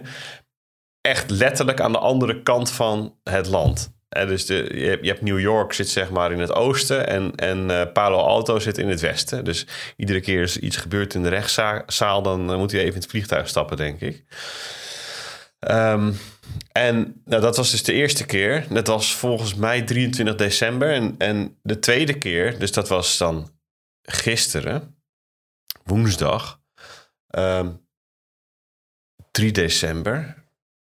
Ja, klopt dat? Nee, gisteren was nee, het was dus ja, het was dus wel dinsdag, denk ik. Was het was wel dinsdag. Ja, ja, het was dinsdag op de dag van de verjaardag van Bitcoin. Ja, daar hadden we eigenlijk misschien wel mee moeten beginnen. Eventjes langs als leven moeten zingen voor Bitcoin. Want die was dinsdag 14 geworden. Ehm, op diezelfde dag stond Sam Bankman-Fried voor de tweede keer voor de rechter. En dat is deel 2 eigenlijk van het, van het tweeluik van het voorgeleid worden. En dat is dan dat voorgedragen wordt. Nou, dit zijn dan de concrete aanklachten die er tegen je liggen. Eh, dit, dit leggen we je allemaal ten laste. Nou, en in het geval van SBF gaat het om acht aanklachten. Want dit is de zaak die door het Openbaar Ministerie van New York wordt gevoerd tegen Sam Bankman-Fried. We hebben eerder wel eens gehad over twaalf aanklachten, maar het zijn er acht van het Openbaar Ministerie en vier van de, van de twee toezichthouders ja, op financiële dit is de markten. strafzaak. Ja, ja, precies. Dit is de strafzaak. Die andere twee zijn civiele procedures en daar horen we nu heel, eh, heel weinig van. Ehm, logisch ook, want die strafzaak is eigenlijk, um, ja, die slurpt eigenlijk die andere twee op. Um, zou je kunnen zeggen, ondanks dat het wel gewoon drie procedures zijn die uh, nu nog lopen. Nou, en die aanklachten die werden dus opgelepeld door een, uh, ja, een medewerker van die Damian Williams, heet hij volgens mij. Hè? Dat, is, mm -hmm. dat is de, de US ja. Attorney van het district New York. De officier van justitie zou je kunnen zeggen. Het Openbaar Ministerie. Ja, openbaar aanklager ja. is het. Het, het is een beetje een mix van, van Openbaar Ministerie en de, de landsadvocaat of zo, die we hier in Nederland hebben. Dus er wordt een rechtszaak gevoerd uit, uit, uit naam van de Amerikaanse staat. Um, nou, en, en dan daarna het oplepelen van die aanklachten... kreeg Sam Bankman-Fried de gelegenheid om formeel voor het eerst te zeggen... wat hij daar dan van vindt. Nou, en wat iedereen al verwachtte gebeurde. Hij zei, uh, ik ben onschuldig um, op... Ik kan me niet vinden, alle acht aanklachten... Um, wat mij betreft niet waar... Uh, onschuldig tot het tegendeel is bewezen. Ja, en, en daarmee af eigenlijk. Dus ook deze zitting is ja, in een kwartiertje, half uurtje voltooid. Na, nadat hij zijn onschuld had uitgesproken, volgt een uh, sessie van plannen. Dus dan gaan de, gaat de rechter samen met de advocaten gaat eventjes uh, ja, met een natte vinger eigenlijk de, de hele procedure tot aan de eerste zitting even in kaart brengen. Ja, en dan uh, daar kwam volgens mij uit dat de verdedigende partij in april wat moest insturen. En dan in mei, juni of zo of, zou dan de, de, de aanvallende partij daarop reageren. En dan ergens in oktober zou de eerste zitting zijn. Maar dan merk je wel van ja, ook dit komt dus gewoon op hetzelfde tempo terecht als die faillissementsprocedure. Dit, dit gaat ook. Dit, wordt een, dit is zo'n een, een spannende tv-serie, maar dan wel in slow motion. Ja, of een spannende tv-serie waarvan seizoen 1 met een cliffhanger is afgelopen en je nu twee jaar moet wachten op seizoen 2. Ja, ja dat is toch een prachtige... Ja, kom op Peet. Dat is toch prachtig zo, geschreven? Zo, zoiets, ja, zoiets. Ja, Oké, okay, zoiets. Nou, ik doe het ervoor. nou, het punt is dat we dus niet twee jaar hoeven te wachten op het volgende Ja, een jaar dan. Heel, heel lang dan. Ja, wel, wel lang. Ja, echt, echt slow motion. Maar um, ja, dus dit even een kort updateje over wat er dan deze week gebeurde rond Sam Bankman-Fried. Ja, dat is ook wel weer die beelden die je dan ziet. Dan komt hij aan bij die rechtszaak en dan staat er een echt en ja, gewoon een massa aan fotografen en, en cameramensen staat. Hij kan niet, kan niet normaal naar die, naar die rechtszaal lopen. Het is het is, ja, dus het, is, het is een raar beeld. En dan zie je hem daar zo verwilderd lopen. Ook weer geen veters in zijn schoenen. Bos haar van hier tot Gunter. Het is, het is, een, uh, het is een, een vreemd spektakel om te zien, moet ik zeggen. hey, maar um, ik las um, dat er ook wat dingen nog los van die rechtszaak gebeurd zijn. Iets met funds die verplaatste. Ja, nou ja. en, en, en, een, en een Bahamese SEC die nog ja, wat meldde. Kun jij nou, wat over ik ging even door mijn bak met aantekeningen heen van deze week. En uh, daar kwam al vrij snel naar boven dat er gewoon behoorlijk wat dingen te clusteren waren bij het kopje FTX uh, SBF, zeg maar. Ten eerste uh, werden er opeens allemaal ja, crypto assets verplaatst uit wallets die gelinkt waren met, uh, van, van Alameda. En uh, die werden ingewisseld voor Bitcoin, Tether en Ether. En daarna door verschillende mixers gegooid. nou goed, wat is daar nieuwswaardig aan? Het ging om 1,7 miljoen dollar. Dus in de grand scheme of things is dat ook niet echt het, het noemen waard. Maar wat interessant was, dat SBF op Twitter, daar heeft hij blijkbaar ook weer toe. Hij heeft natuurlijk weer zijn telefoon in zijn handjes. Die ontkent dat de wallets van hem zijn en dat hij er iets mee te maken heeft. Dus nou goed. ehm, eh, dat vond ik nog wel. Ja, meer dat hij daar dan weer zi- zich mee bezig loopt te houden of zo. Lijkt het alsnog alsof hij niet helemaal zijn. ah, zijn ouders. dit is het moment dat de ouders tegen moeten zeggen: Nou, Sam, even geen Twitter meer voor jou of zo, weet je wel. Dat Ja, zou moet je je denken. voorstellen hoe dat is, hè? Hoe, hoe, hoe- ik, ik zat... ehm, ja, ik weet niet of dat nou in voorbereiding van het BNR-gesprekje was of zo. Dacht ik ook van, hoe moet het nou zijn om, om Sam Bankman-Fried te zijn? Zit je daar in, je, in Californië met het... Met toch het idee van, nou, er staat 100 plus ge- eh, jaar Ja. eh, cel hangt er boven mijn hoofd. Ehm, en tegelijkertijd nog gewoon relatief vrij in een luxe omgeving, internettoegang, gewoon een beetje twitteren. Ja. Denk ik, eh, je, jezelf toch nog een soort van mengen in dat publieke debat over wat er allemaal boven je hoofd hangt. Het, dat, het- over surrealistische scenario's gesproken. Weet je, Ja, dat is ook inderdaad, ja. echt Ja, wel nee, eh, precies. Je- dat je nog een halfjaartje. Ja, ja, langer dat- waarschijnlijk nog, hè? Ja, maar dat het zwaard van Damocles wel boven je hoofd eh, zwaait, zeg maar. Is een flink zwaard in dit geval ook nog eens. Het is niet een paar jaar de cel. En, ehm, Ja. Wat ik nog wel interessant vond om te noemen, eh, dat, dat ehm, eh, schuldig of de guilty of not guilty plea, waar het dan over ging, en waar jij net over vertelde, Peet. zijn maatjes, Caroline en Gary Wong. Caroline Ellison, dus eh, zijn mede-founder van eh, FTX eh, en de CEO van Alameda, die hebben al wel guilty geplead in zo'nzelfde vorm. En die Ja. werken mee aan dat onderzoek. En daardoor krijgen ze waarschijnlijk een lagere straf. En dat hebben ze al op 21 november gedaan, 21 december in ieder geval vorig jaar. Ehm, even kijken, ja, wat hadden we nog? Wanneer, ja, de, de, de Bahama Securities Commission die zegt dat ze nog steeds eh, 3,5 miljard eh, dollar aan FTX assets eh, hebben. Die hadden ze natuurlijk uh, hè, in beslag genomen op het moment dat FTX eh, failliet ging. Het is nog wel even de vraag of dat daadwerkelijk 3,5 miljard dollar is. Want ja, er zal een hele hoop FTT en andere troep tussen gezeten hebben die natuurlijk inmiddels geen moer meer waard is. Want het zijn prijzen van 12 november. Dus nou goed, even de vraag of dat nog uh, zoveel waard is. Maar goed, het zal alsnog een, uh, een flink bedrag zijn. En dat hebben was ze dat, nog... was dat FTT-token op 12 november nog wat waard dan? Weet je dat? Ja, dat, dat is de vraag. Maar ja, het is, het is, laat ik zo zeggen, het is nadien niet beter gegaan met de crypto. Nee, zeker niet. Nee. Dus ik denk dat dat eerder lager dan hoger is. Maar een goed punt hoor. Misschien was de ergste koersval wel achter de rug. Uh, in de VS maakt uh, het Justice Department bekend dat ze wat anders in beslag hebben genomen bij FTX. Namelijk de 450 miljoen aan Robinhood aandelen die ze nog hadden. Dus die liggen nu bij het Justice Department. Ja, die waren volgens mij ook betaald met geleend geld. Geloof ik. En dus ik, ik, ik neem even aan dat dat daar ook mee te maken heeft. Ja, het is volgens mij waar het ook mee te maken heeft. Dat het een van de laatste dingen is die daadwerkelijk nog wat waarde heeft. Uh, en uh, de, waar de waarde niet afhangt van het voortbestaan van FTX, zeg maar. Um, als je toen op die, op die sheet keek, die SBF toen in elkaar gedraaid. Dat was een van de weinige dingen die nog een soort van liquide was en, en, en waardevol. Um, ja, en wat ook nog in die rechtszaak naar buiten kwam, wat toch wel weer interessant is, of in ieder geval de moeite waard om van het noemen, denk ik, is dat de rechter bepaalde dat uh, het niet publiek gemaakt hoeft te worden wie de borgsom van SBF betaald hebben naast zijn ouders. Want er zijn nog twee andere donateurs die dus dat totaal van 250 miljoen, wat waarschijnlijk allemaal een stuk lager ligt. Maar in ieder geval zijn mensen die flink wat geld hebben ingelegd. En nou, die worden niet bekend wie dat zijn. Ik hoop Ja, dat het in mij... de rest van de rechtszaak wat, wat opener en publieker gaat worden. Want als het op deze manier gaat, dan uh, ja, schieten we er ook weinig mee op. Wat, wat ik gisteren of eergisteren ook las, was dat Sam Bankman-Fried dezelfde advocaat in de arm heeft geslagen als die Ghislaine Maxwell. Weet je wel? Ja. Dat de rechterhand van, um, van Epstein, volgens mij. Ja.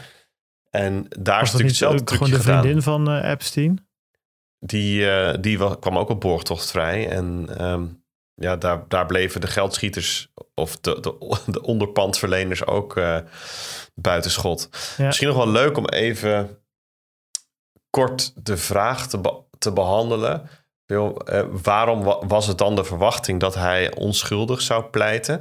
Nou, dus, um, heel simpel. Omdat zo'n plea, dus die SPF, die mocht reageren op al die aanklachten.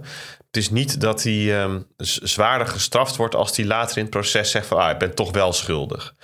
Wat er, wat er gebeurt na deze, uh, wat er dus nu in gang is gezet, is wat in de VS de discovery phase genoemd wordt. En iets soortgelijks hebben we in Nederland niet, in, de, in ons rechtssysteem. Um, het is de periode waarin beide, beide kampen hun zaak gaan bouwen en verstevigen. En ze hebben dan ook de mogelijkheid om het bewijs in te zien dat, dat de tegenpartij tegen hen heeft.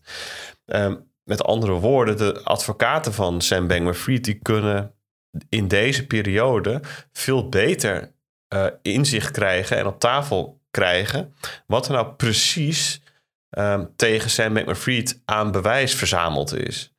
Um, en dat kunnen ze weer gebruiken om misschien ook een plea deal af te sluiten um, met de, de rechter en andere betrokkenen. En dan moet je dat niet zien als een plea deal zoals die Gary Wang en Caroline Ellison die hebben afgesloten. Hè. Die, hebben, die hebben het echt op een akkoordje gegooid met justitie van, joh, wij gaan um, volledig open kaart spelen. We gaan je alles, alles vertellen wat je nodig hebt om um, de hoofdrolspeler van dit verhaal um, goed aan te kunnen pakken. Dat is wat zij hebben gezegd. En ze hebben daarvoor in ruil hebben ze echt een, naar een hele. Ze hebben gewoon een hele goede deal gekregen. In, in principe volledige strafvermindering. Ze worden gewoon niet vervolgd op alle gronden waarop ze werden aangeklaagd, behalve dan voor mogelijk uh, ontduiken van belasting of zo. Volgens mij was dat de, uh, de strekking. Maar uh, dikke kans dat zij überhaupt de gevangenis niet in hoeven en afkomen met een geldboete. Ja, dat gaat natuurlijk voor Sam Bankman-Fried niet gebeuren. Tenzij het echt een geschift verhaal is. En er een of ander vage, achterliggende feiten op tafel komen waar dan Sam Bankman-Fried weer een, een speel in is om nog iets gortigers aan het licht te brengen of zo. Dan zou dat, maar dat, ja, dat is wel heel onwaarschijnlijk. Dan komen we echt op complottheorie terrein, denk ik. Um, maar wat wel kan gebeuren, uh, is dat Sam Bankman-Fried zegt van oké, ik verklaar me schuldig. Um, en in ruil daarvoor bepaalde minimumstraffen opgelegd krijgt. Dat is eigenlijk wat er in, in de VS gebruikelijk is. Ik heb daar nog even naar gezocht. Van dit soort strafzaken komt maar 2% voor een jury. Ja, dat, dat, dat, dat is echt onwijs gedaald in de afgelopen eh, decennia. En dat komt omdat er allerlei wetten zijn ingevoerd in de VS. Um, die de, de rechter verplichten om zich uit te spreken over bepaalde minimum, over eh, de onderkant van, van, um, van de, de, de bandbreedte van de straf die iemand zou mogen verwachten. En vaak is het dan voor kennelijk voor een verdachte interessanter om daarmee akkoord te gaan dan het risico te lopen dat die straf hoger wordt als die voor een jury belandt. Nou, en, en in die context is er dus nog een soort van plea deal, plea, plea bargain mogelijk. Ja, en kennelijk is het ook heel gebruikelijk. Ja, niet uh, alleen in deze gebeurt. zaak hoor, maar volgens mij die, die 2% die je noemt, dat gaat volgens mij, of iets in die regionen, gaat gewoon op voor alle strafzaken.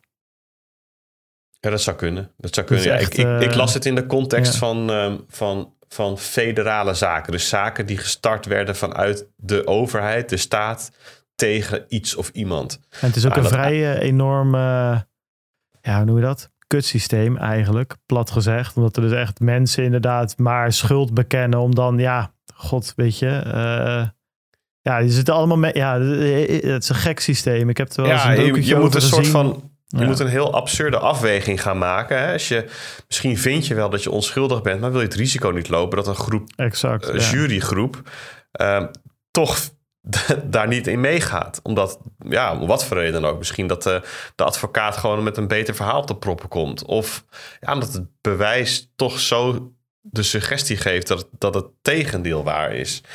Ja, en dan, dan, dan, kies je maar eieren voor je geld. En dan kies je voor een relatief lage straf. En dat kan alsnog een vele jaren gevangenis gaan natuurlijk.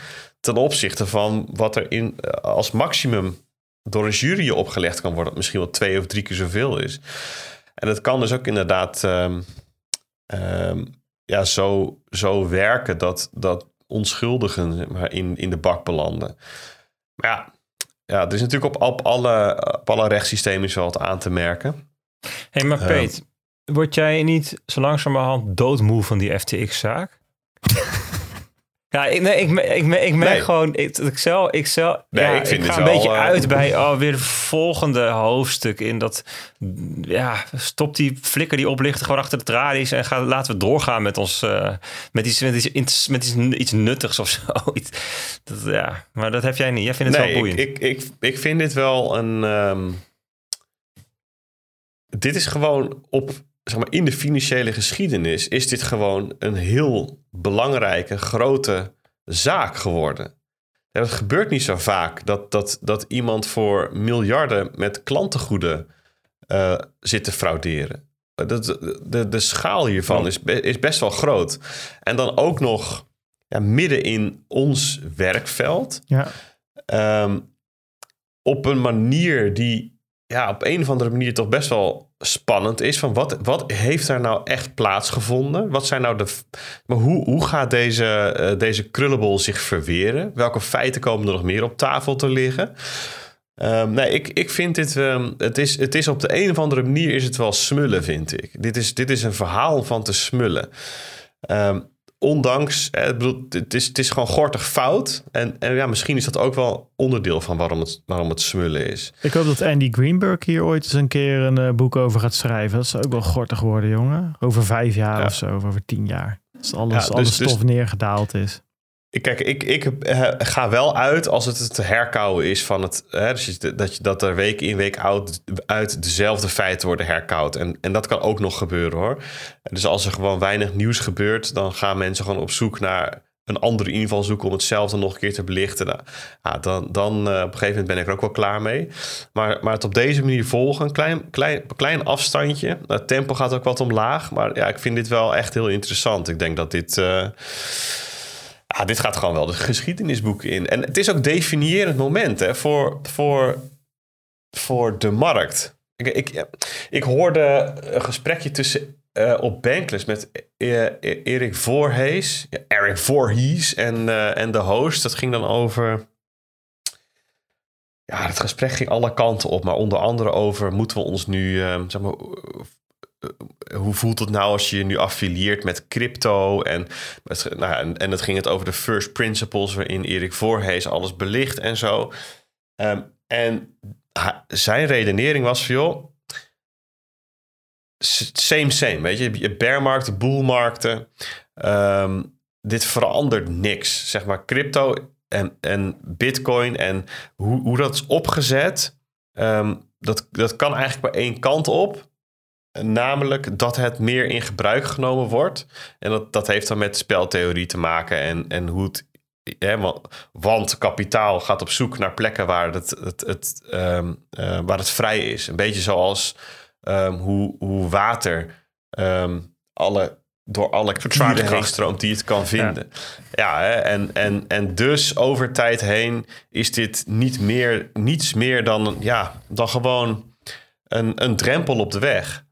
Ja, en het is jammer dat de host niet, niet doorvroegen, want ik ben het eens met Eric Voorhees als door de tijd heen niets om crypto heen verandert. Want ehm, ja, je kunt. Het, het, is niet een vacuüm waar waar, waarin dit zich allemaal afspeelt. De, de, de vervolgvraag aan hem die ik had willen stellen is: van, maar zou het niet zo kunnen zijn dat, dat die drempel verandert in een muur?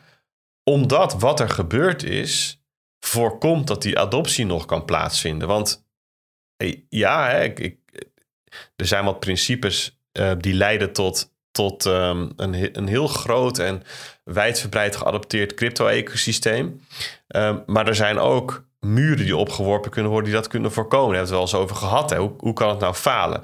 Nou, bijvoorbeeld als, als, als er wereldwijd een verbod wordt uitgesproken. Ja, dan zijn er vast nog Erik Voorhees types. Hè? Een beetje de, ehm, de meer fundamentalistische libertariërs of anarchisten die zeggen van nou, ik kan bitcoin nog gebruiken. Ehm, maar voor Henk en Ingrid is het dan afgelopen. Ja, en dit is, dit is dit, dit, gebeuren met FTX, dat drukt wel een stempel op de volgende boelmarkt. Hoe, hoe ziet die eruit? Uh, is dat um, in een soortgelijke context als de vorige?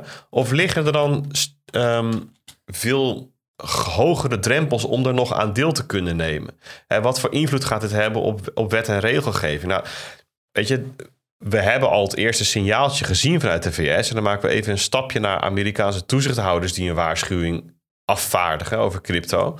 De OCC bijvoorbeeld, samen met de, met de Fed en de FDIC, die kwamen eigenlijk naar buiten met, joh, ja, de strekking was toch een beetje we, kunnen het niet verbieden, want ja, de, de wet, de wet um, verplicht ons nu eenmaal dat, en, en het financiële systeem nou eenmaal dat, dat, dat we niet, uh, nu niet kunnen zeggen dat banken niet met crypto uh, aan de haal mogen gaan. Maar eh, wat we wel zeggen is van ja, als banken er iets mee doen, dan zien we dat wel als uh, haast gelijk staan aan, aan slecht bestuur. Want het is, want de afgelopen tijd heeft wel laten zien dat het, ja, weet je, dat het super volatiel is, dat, er, dat het onwijs, kwetsbaar ecosysteem is, dat er um, grote fraudes en scams gepleegd worden, um, dat er allerlei uh, besmettingsrisico's zijn. Hè? Dus uh, we kunnen het niet verbieden, maar uh, blijf er maar gewoon even vanaf. Terwijl een paar jaar geleden de OCC nog best wel um, met een heel open blik en een meer ja, veel, veel gunstigere houding ten opzichte van crypto te boek stond dan, dan nu het geval is. dus dat heeft er zeker wel mee te maken. Uh, en het is maar de vraag, wat er, wat volgens mij komt over een maand vanuit het ministerie van Financiën of zo een, uh, een, een eerste wetsvoorstel. Waar, waarin ze zich dus gaan positioneren ten opzichte van crypto. Ja, het is maar de vraag wat voor effect. Over welk, wat welk ministerie van Financiën heb je het nu? Het ministerie van Financiën van de VS. Ja, precies. Okay. Dus, ik, zat even, ik zit nog even in de, in de context nee, van even, de VS. Even ter, uh, ja, duidelijk. En dus, dus het is op allerlei manieren de vraag... wat voor gevolgen heeft deze gebeurtenis gehad? Eh, en en um, ja, dat, dat, dat kan wel eens op zo'n manier zijn... De gevolgen kunnen wel zo zijn dat, dat, dat adoptie daardoor ook vertraagd wordt. Of...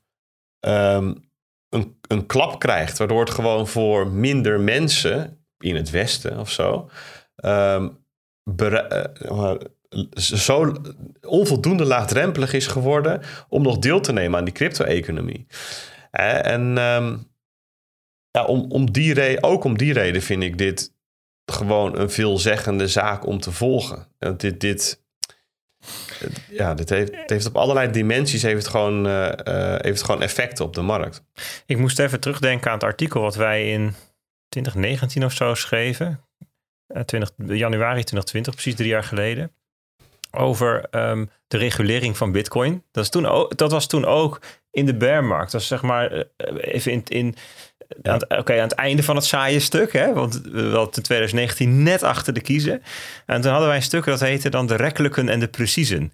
Kan je, herinner je het je nog? Dat, dat ja. was dan een verwijzing. Ja. Toen had net uh, Tuur de Meester dat stuk over de Bitcoin-reformatie geschreven. Ik dacht, nou, dat is wel leuk om dan over, even over de rekkelijke en de preciezen te hebben. Dat waren, ik geloof in de 17e eeuw of zo, twee uh, uh, stromingen in het protestantse Nederland. En de, de preciezen, die, hadden, die hielden heel dogmatisch vast aan de leer van Calvijn. En je moet het heel precies uitleggen. En God beschikt, hè, de mens wikt en God beschikt.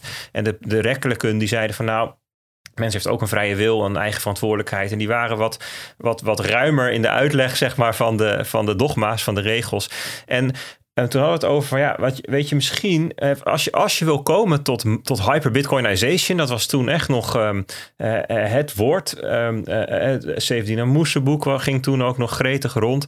Uh, hyper-Bitcoinization, um, dat Bitcoin het primaire wereldwijde geldsysteem zou worden.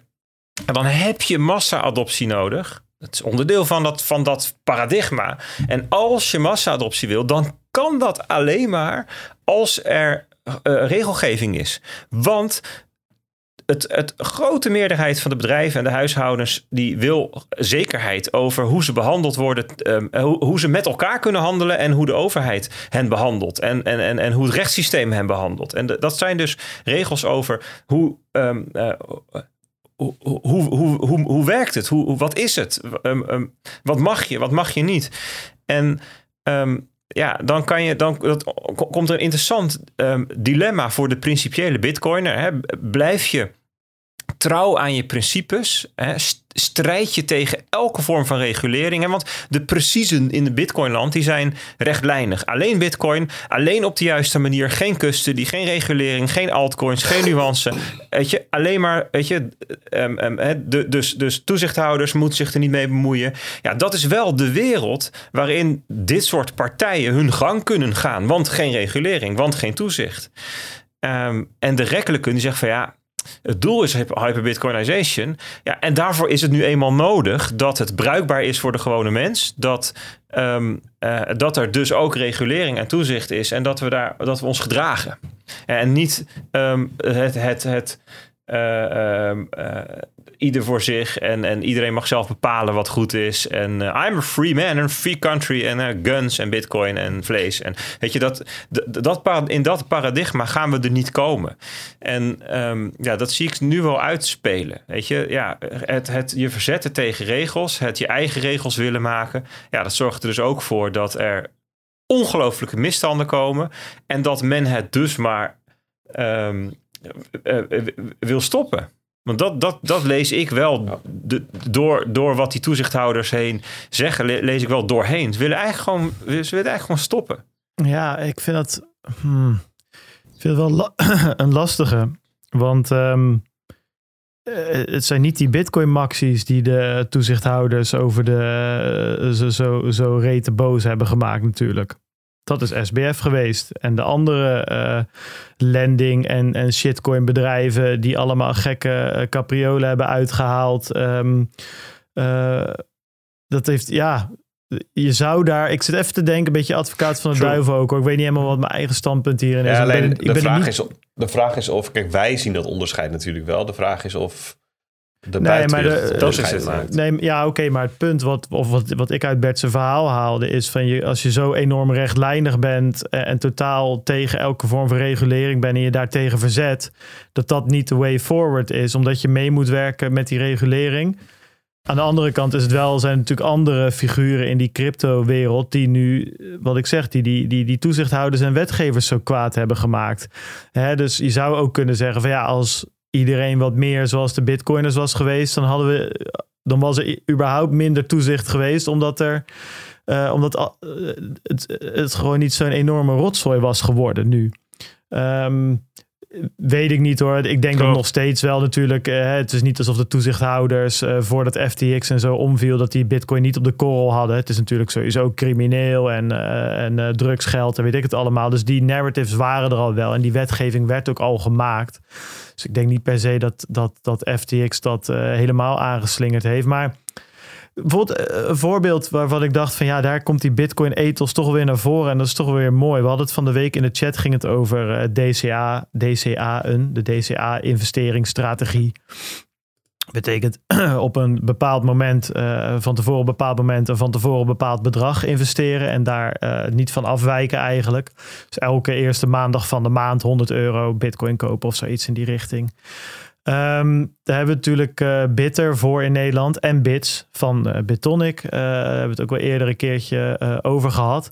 En toen vroeg iemand van, joh, is er eigenlijk zoiets als Bits voor Ethereum? En ehm, ja, daar kwamen we niet zo snel uit. Ja, natuurlijk heeft Binance heeft wel DCA-opties, maar dat, dat is, het werkt niet op dezelfde manier dat het direct naar je eigen wallet wordt gestuurd en dergelijke. Misschien dat er iets van een... Um, DeFi-alternatief is hoor. Dat weet ik niet. Zo diep zijn we er niet ingedoken. Maar daar kwam toch alweer een beetje dat verschil in ethos naar voren. Wat Vitalik een tijdje terug uh, bij Bankless ook en in zijn blog ook aangaf. Van joh, dat hele... Dat hij toch wel... Iets als positief zag dat Bitcoin is toch wel not your keys, not your coins, self-custody, dat soort dingen.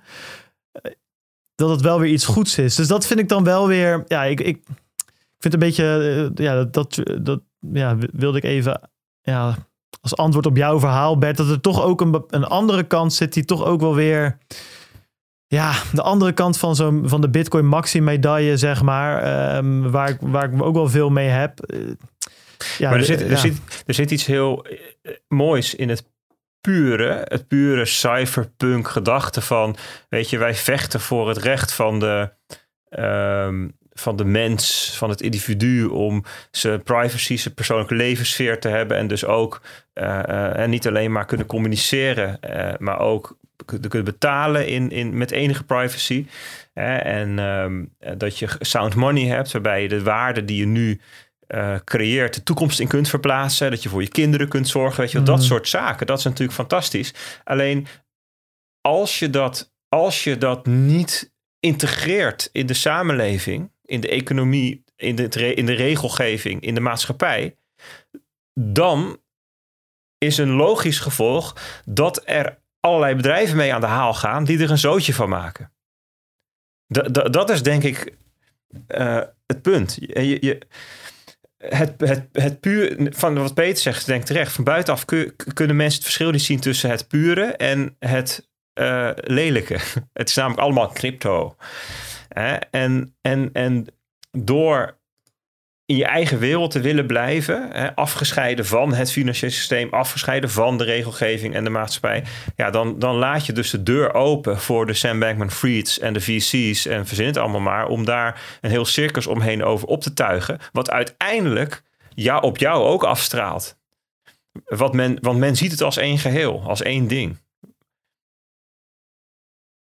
Dus Ja. weet je, het, het idee van dat artikel was toen van gewoon een soort gedenk, gedachteoefening. Zou je niet als eh, eh, zeg maar puur, puristische bitcoiners de vlucht naar voren moeten nemen? Zeg van ja, we, vinden het, ja, we gaan juist proberen om ehm, Ja, kijk. eh, die, die regelgeving te bespoedigen om te voorkomen dat er uitwassen ontstaan.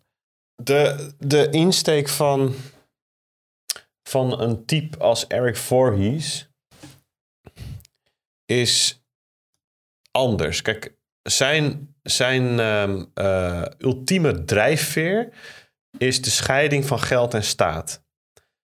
Dus, dus, ehm, eh, en, en dat leunt weer op een aantal basale principes die hij als libertariër ehm, belangrijk vindt. En dat, dat scheiden van geld en staat is belangrijk omdat geld een heel belangrijk deel van je gedrag bepaalt. En daar zou dus geen monopolie op moeten rusten. Ehm, nou ja, en vanuit een libertarisch oogpunt zeker niet door een staat, maar door niemand niet. Gel- geld zou, zou een, ehm, een gemeengoed moeten zijn. Maar een, een commodity bijvoorbeeld, zoals bitcoin is ingestoken.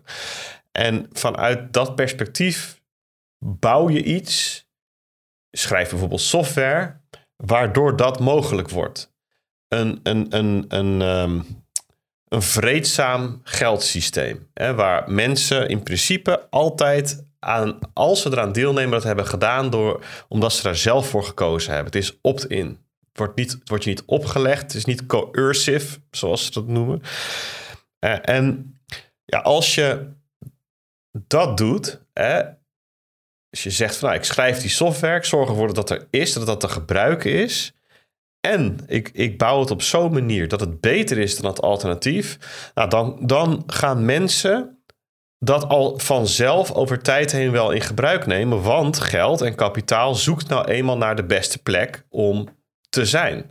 En dat is crypto. Ehm, dat staat natuurlijk niet.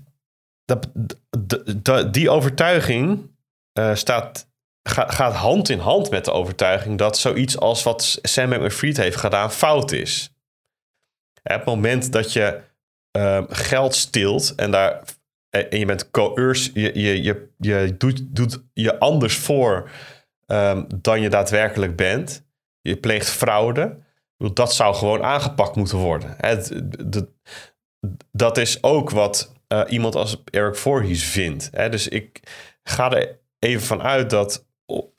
en dat vind ik altijd jammer in dat soort gesprekken, dat daar dan niet even over doorgepraat wordt. Van oké, hoe zie je het dan voor? Je moet het dan aangepakt worden? Want je wil een heel kleine overheid, maar dat zijn toch niet dingen die gewenst zijn. Weet je, die, ik Maar kom daar direct in. Maar al deze de- denkrichtingen, kleine overheid, zo, dat, dat, is dat inherent aan Bitcoin? Dat is al de vraag. Hè? Kan, je, kan je zeggen, deze ideologie hoort bij Bitcoin? Is Bitcoin meer dan alleen maar de, de, de, de regelset van het protocol, CQ de Nou, ik, broncode? ik denk als je, als je geld scheidt van staat, dat, dat per definitie de staat ook een stuk kleiner wordt. Ja, Maar is het scheiding van geld en staat inherent aan Bitcoin? Ik bedoel, is dat niet iets wat iemand vindt en daarnaast Bitcoin eh, eh, mooi vindt? Kijk, is Bitcoin meer Ja. dan het protocol? Maar het protocol is toch niet eh, in handen van de staat? ik denk dat het per definitie gescheiden is van de staat. Precies. Ja, maar Niet De- omdat ze zeggen dat het omdat iemand dat zegt, maar omdat het feitelijk controleerbaar niet in het- handen is van een staat. Nee, dat snap ik wel. Maar het is toch niet inherent aan het bestaan van Bitcoin dat al het andere geld verdwijnt? De staat kan toch gewoon nog zijn eigen geld uitgeven? nee, maar dat was, niet, dat was niet de stelling, natuurlijk. Nou, ehm, ja, dat weet ik niet. Ik heb dat dus nog onvoldoende goed doordacht. Maar ja, kijk, als je. Het hangt er vanaf hoe je erin staat. Dus als je, als je doel is om gel- geld te scheiden van staat, dan ben je iets aan het bouwen dat zodanig veel beter is dat, dat het geld revolutionair is. En dat de revolutie is dat of de staat het nou leuk vindt of niet, maar het geld wordt gewoon van de burger. Dat is er gewoon. En de staat heeft er niks mee te maken. Eh, en die monopolie verdwijnt. Je, je kunt ook anders redeneren. Meer vanuit er is een staat en, en het, het zijn van een dat, dat die er is, dat is iets goeds. Natuurlijk kun, kun je eh, een systeem als Bitcoin kun je ook. Kan, de staat kan hem ook omarmen. Weet je, dan is het geld niet van de staat, maar ehm, dat het gebruikt wordt, kan alsnog opgelegd worden. Dat kan op allerlei manieren, kan dat, eh, kun je daar naar kijken. Er zijn heel veel perspectieven op. Dus, dus het is, denk ik zo, Bitcoin en de blockchain zelf zijn apolitiek. Die, die zijn gewoon wat ze zijn. Ik denk dat je daar als mens ehm, of als groep ehm, daar iets politieks van maakt. Dus die kleur, die geven we er zelf aan. En, en ik, ik ben wel benieuwd hoe jullie daar naar kijken. Hè. Eh, Die scheiding van geld en, en, en staat, is dat iets waarvan jullie zeggen van nou, dat, ehm, ik sta daar net zo ehm, vurig in als een Eric Voorhees? Of is dat, of, of kijken jullie er anders naar? Peter, toen, toen, we de, toen we nog, ehm, toen goud nog de basis was van het monetair systeem, had je toen scheiding van geld en staat?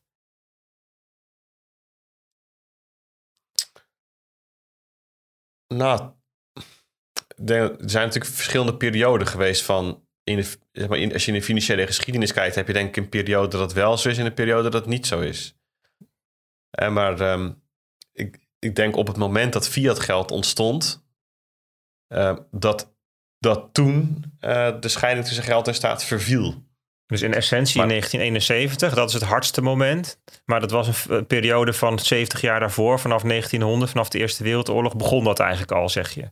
Ja, ik denk het wel. Of misschien vanaf het moment dat er bankbiljetten werden uitgegeven. Ja. Fractioneel Ja, papieren, dat, daar begon het eigenlijk al. op het moment dat er monopolies gingen ontstaan over, over hoe we geld uitgeven en, en, enzovoorts. En, en dat we ze bij banken onderbrengen. En ja, dus dat is al een stuk Ja. eerder ontstaan.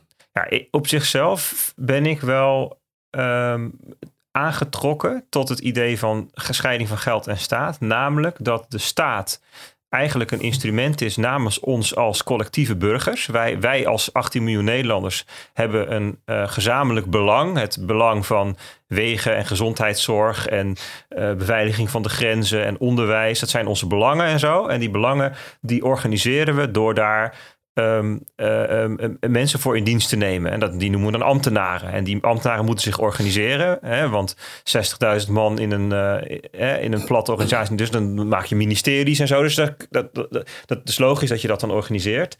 Ehm, en die, die, die, die betalen we. En, die betalen we omdat we omdat het handiger is om dat centraal te organiseren in plaats van dat elke, elk dorp zijn eigen gezondheidszorgsysteem ontwikkelt of zo.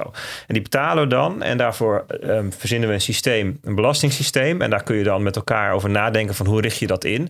Nou, wij zijn in Nederland gekomen tot iets wat behoorlijk sterk herverdeelt. Um, dus niet alleen dat als je meer verdient dat je meer belasting betaalt, maar ook nog eens per verdiende euro betaal je meer. Een progressief systeem. Dat hebben we zo bedacht en daarmee funden we de overheid. Um, en daarvoor is het helemaal niet nodig dat de overheid het geld creëert of zo. We kunnen gewoon allemaal wat in het zakje doen. En vroeger was dat best wel ingewikkeld. Hè, want belasting ophalen, dat was helemaal niet vanzelfsprekend in 1950. We hadden nog helemaal geen uh, real-time systemen en bankrekeningen. En bedoel, dat was allemaal. Er zat heel veel lag en heel veel vertraging. En je had heel weinig inzicht. En het was eh, heel moeilijk. En alleen we zijn nu aangekomen op het punt dat die scheiding tussen geld staat eigenlijk ook best wel praktisch gewoon haalbaar is. Ik bedoel, we, we, stoppen gewoon allemaal wat in het zakje als nodig is. En dat kunnen we best wel. Um, maar vind, uh, vind, jij dat het dan verplicht moet zijn? Dus vind jij dat er een verhouding moet zijn tussen staat en burger? Um, de een heeft een geweer en de ander niet. Jij betaalt, jij betaalt die bijdrage, punt. Ja, het punt is als je aan mensen vraagt van, um, van maak dit eens schaalbaar. Hè? Dus ga het eens schalen vanaf je buurt of vanaf je gezin of je stam. Hè? Dus de kleinste unit. Dan zijn de meeste mensen zeggen van ja, weet je, als we als wij als gezin of huishouden of stam of buurt iets organiseren, dan ja, dan doordat je hier komt te wonen, um, teken je daarop in. je, voor mijn part teken je een overeenkomst. En uh, daar, het onderdeel daarvan is dat je moet betalen. Punt. En daar kies je nou eenmaal voor door hier te komen wonen. Ja, en die, die, die buurten die kunnen zich weer organiseren in grotere concepten, gemeentes. En die weer in provincies, die weer in landen. Dus dan ga je schalen.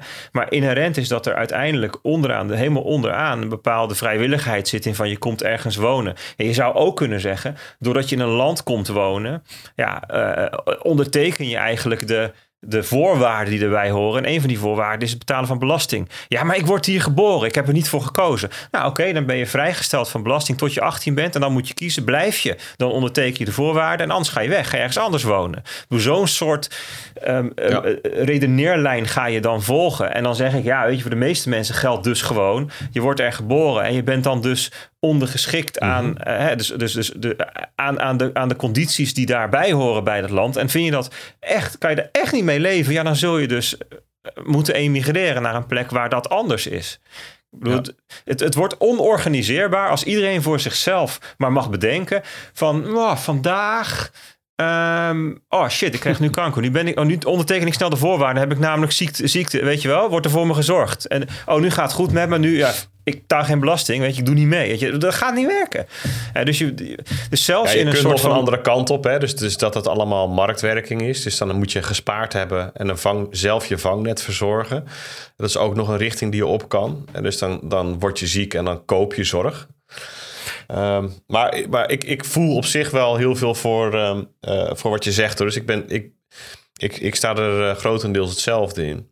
Wat ik wel opvallend vind is dat toch hoe je ook start, met, kennelijk de afgelopen eeuwen met een samenleving. Het tendeert allemaal naar een hele vieze, vette, grote, gore overheid. Ja, er zit, er zit overal zie je periodiciteit van grote um, uh, overheden die heel veel regels opleggen, die heel veel proberen te beheersen en te bepalen, die op een gegeven moment overstretchen, dus te veel willen doen, te groot worden. En daarna krijg je een, een, de nadagen daarvan en dan krijg je rellen en oproer en, en protesten en demonstranten en staatsgrepen en, dan, en oorlogen. En dan begint het weer fris, weet je wel. Dus ook door de geschiedenis heen zie je dat ook alweer komen en gaan. Alleen maar ook zijn... hoe je ook start, Peet. Dat, uh, het is nou niet alsof we echt... Uh vijf, zes verschillende dingen naast elkaar hadden en dat uh, op zijn beloop hebben laten gaan. Op een gegeven ja, moment. Ik, uh, ik, ik bedoel dat de VS is natuurlijk best wel een jong, uh, jonge staat. En die zijn begonnen met een paar hele eenvoudige principes. Dus de founding fathers van, van de VS. Ik, ik denk niet dat hoe de VS nu georganiseerd is, uh, hoe, hoe, de VS nu draait, dat die founding fathers daar heel gelukkig van worden. Laat ik het zo zeggen. dus die, die, die principes waarmee de VS is opgericht, liggen best wel dicht aan tegen hoe, hoe Bert net beschreef. Um, hoe, hoe het ingericht zou kunnen zijn. Maar toch zie je dat door de decennia heen.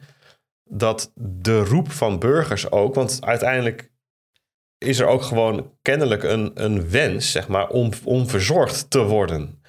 Eh, om ondersteund te worden, om, Ja, om dus een overheid goed- hebben die dingen voor je fixt. In Amerika is inderdaad op allerlei vlakken best nog wat libertarischer, of, eh, wat vrijer dan bij ons. Je mag daar best wel wat in grotere mate nog je eigen eh, regels maken op je eigen erf bijvoorbeeld. En, dus, en er is eh, groot verschil tussen de staten. Die hebben nog bepa- bepaalde concurrentie. En de overheid is ook op federaal niveau kleiner. De belasting is lager.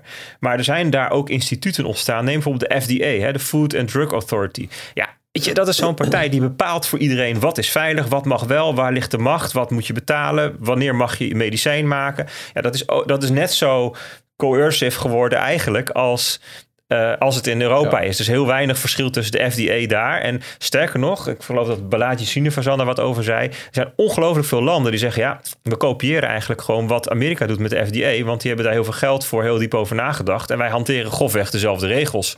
Zoals Zwitserland op heel veel dossiers exact dezelfde regels hanteert als Europa. Want dan kun je namelijk spullen gewoon in en exporteren. Is veel makkelijker als je gewoon dezelfde goedkeuringsinstanties... en weet ik wat allemaal eh, volgt. Ja, ja Maar- mooi. Maar klopt, ja, dus daar komt het op neer. Maar jouw vraag was eh, eh, scheiding van geld en staat.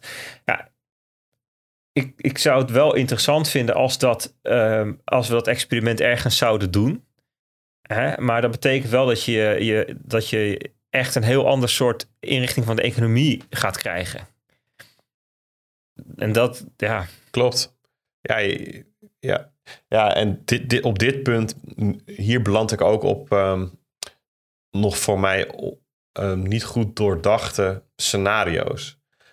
Kan, kan je dit wel, ehm, eh, eh, eh, kan, kan, dit, kan je die stap wel maken als één entiteit van de wereld? Of moet het eigenlijk tegelijkertijd? Want je, je krijgt zo'n ander soort economie dan de rest, dat je misschien ook heel snel op achterstand komt te staan. Want ja, het voordeel tussen aanhalingstekens van die fiat-economie is natuurlijk dat, dat, dat er van de toekomst geleend kan worden. Het exact. nadeel daarvan is dat we de, dat, dat we de wereld uitkleden, oorlogen voeren enzovoort. Dus ik geloof daadwerkelijk dat scheiding van, van geld en staat leidt tot een, een, een meer vredige samenleving. En het is best wel grappig als je, ehm, als je dat realiseert, dat je eigenlijk strijdt voor een meer vredige samenleving. Dat, dat, dat is denk ik wat er ten grondslag ligt aan de scheiding van geld en staat. Ehm, Maar waarom zou je dan niet oorlogen voeren? Dan kun je toch gewoon geld van de buren jatten? Dat is voor een staat best wel nuttig. Ah, ik denk dat, dat je dan onderschat hoeveel we van de, van de toekomst geleend hebben. Ja, je bedoelt dat het, het, het investeren in wapens, dat kan eigenlijk alleen maar als, dat, als de burgers dat niet doorhebben, hoe duur dat is. Ja, ja en, en Dat is het argument van Sevdien Amoes. Hè? Van als, als Ik- burgers ik- weten wat ze betalen voor een oorlog, dan zouden ze daar niet akkoord meer op geven. En ik denk ook dat dat. Ehm, dat het produceren van, van, al die, ehm, van alles wat je daarvoor nodig hebt, het, zeg maar, het in stand houden van, van zo'n enorm orgaan om oorlog te kunnen voeren, überhaupt, dat dat zo ontzettend duur is dat als je daar met een sound money, eh, een ander soort economie dat zou moeten bekostigen, dat, dat, dat je tegen allerlei grenzen aanloopt.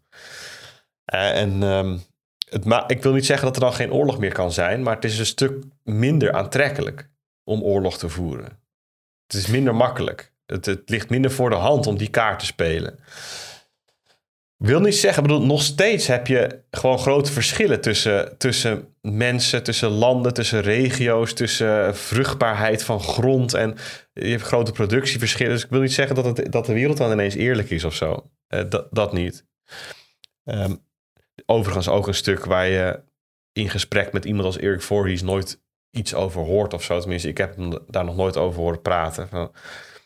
Het blijft een beetje bij het eh, utopische revolutionaire hangen. Dat vind ik altijd jammer. Maar goed, anyway, we zijn van FTX zijn we, eh, zijn we in, dit konijnenhol beland.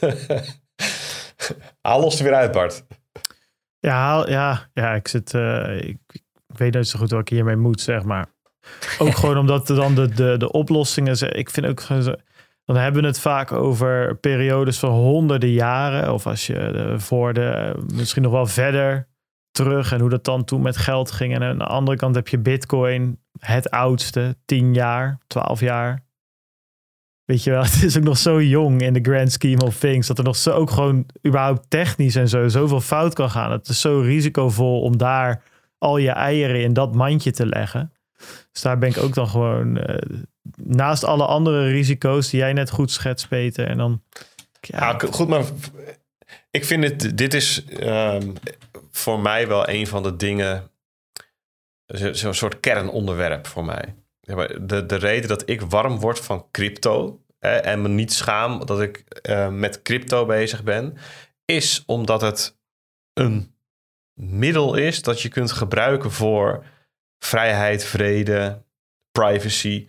Voor, dat zijn allemaal um, grootheden die ik heel belangrijk vind. En het is haast gek dat je als een soort um, wappie of, of fundamentalist of wat dan ook wordt neergezet, omdat je vrijheid, vrede en privacy belangrijk vindt.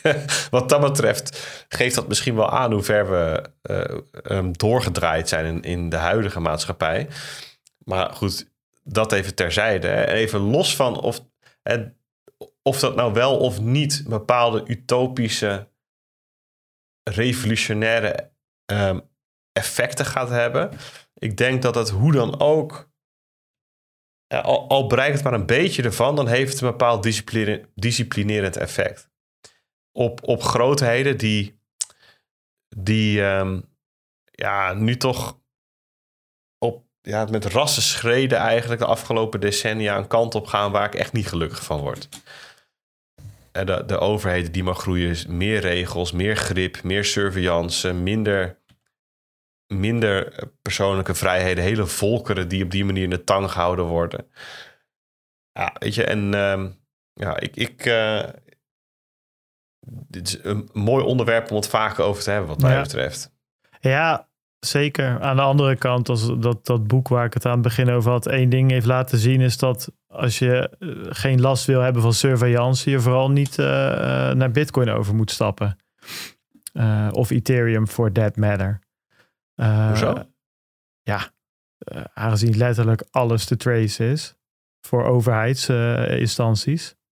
Als jij toegang hebt tot, uh, als jij een subpoena, of noem je dat, een dwangbevel naar een exchange kan sturen, dan kan je letterlijk alles bij elkaar harken wat je wil. Ah, ik, ik, ik denk dat dat genuanceerder ligt. Ik denk dat dat afhankelijk is van hoe je Bitcoin gebruikt. Maar en daarnaast denk ik um, dat hoe Bitcoin nu is, hè, dus op het gebied van privacy is het inderdaad ook nog niet in orde.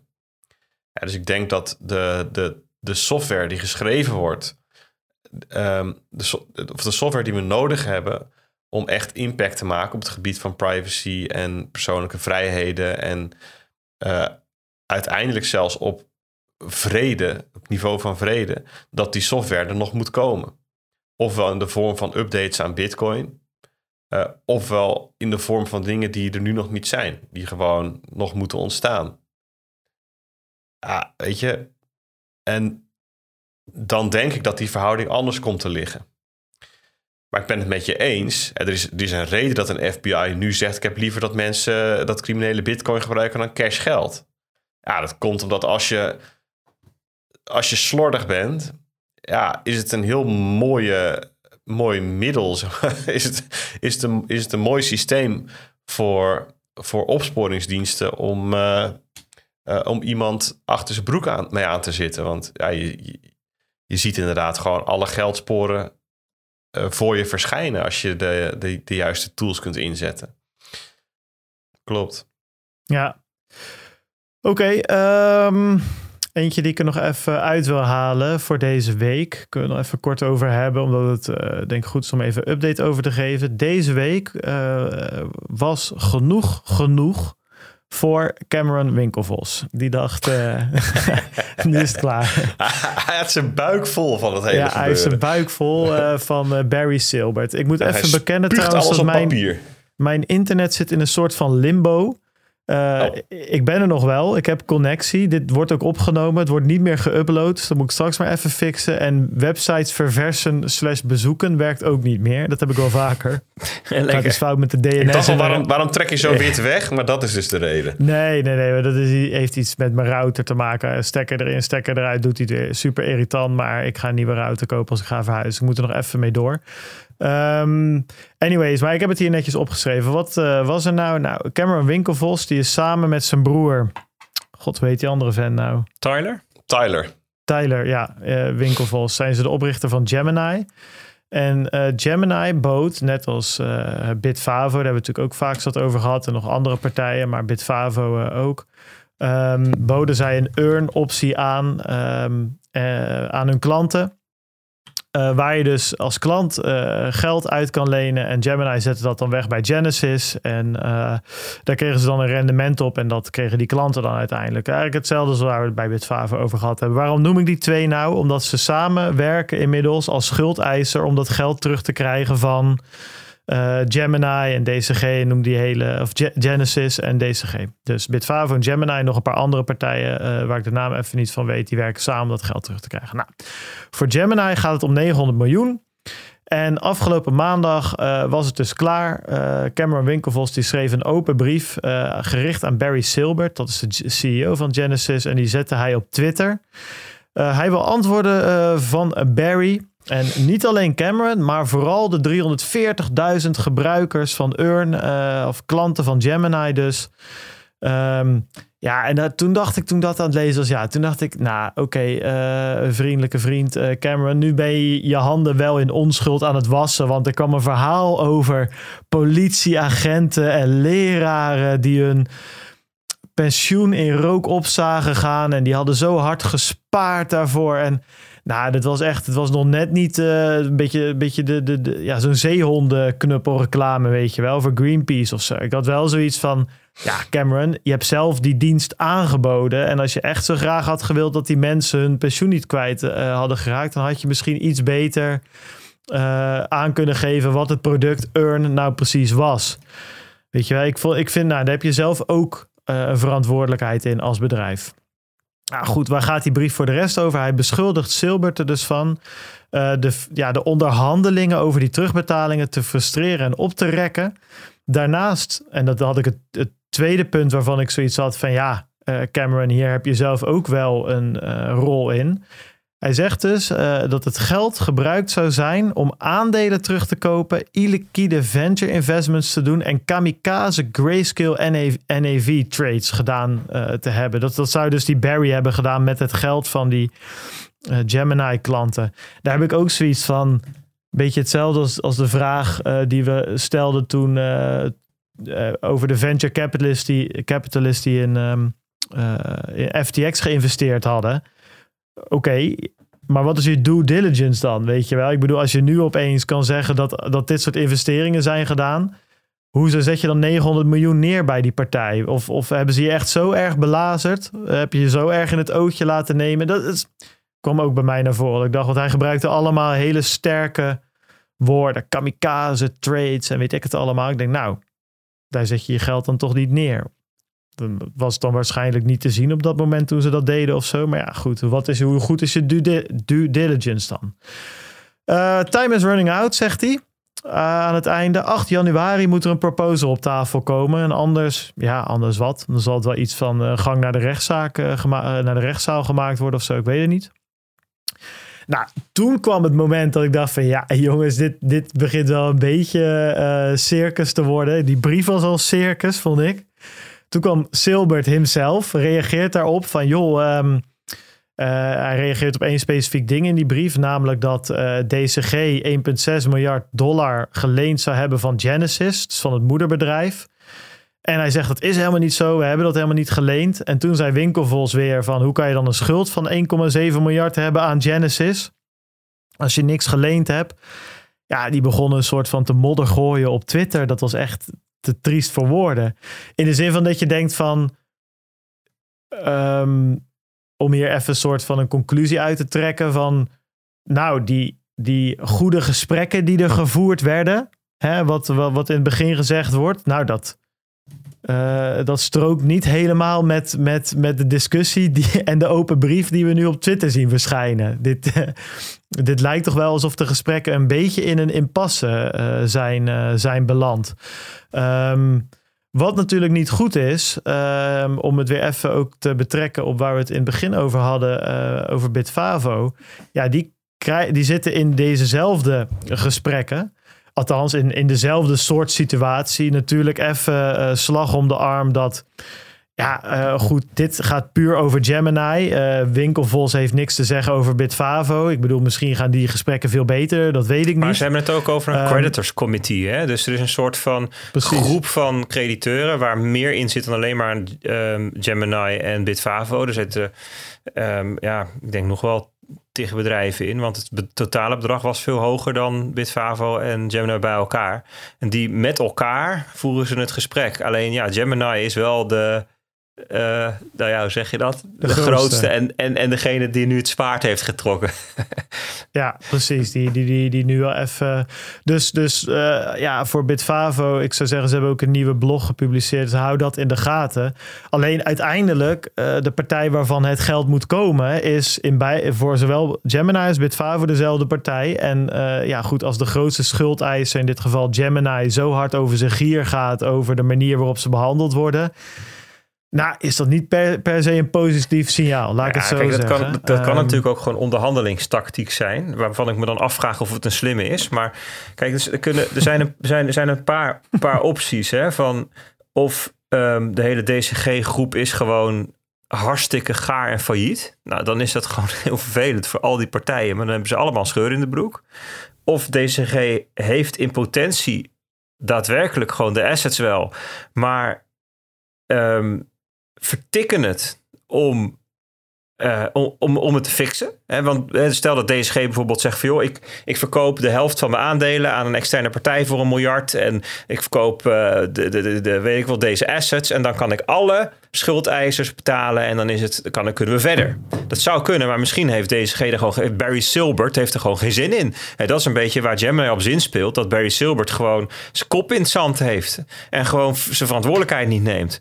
Dat is een optie. Ja, en geen zin, uh, even, even voor de mensen uh, stating the obvious, die heeft er geen zin in, omdat het natuurlijk voor hem de absoluut slechtste moment is om of A, aandelen te verkopen. Of B, zijn grayscale bitcoins tegen een discount van 40%. Of zijn Ethereum dis, uh, Grayscale Trust, die inmiddels ook op een discount van 60% staat.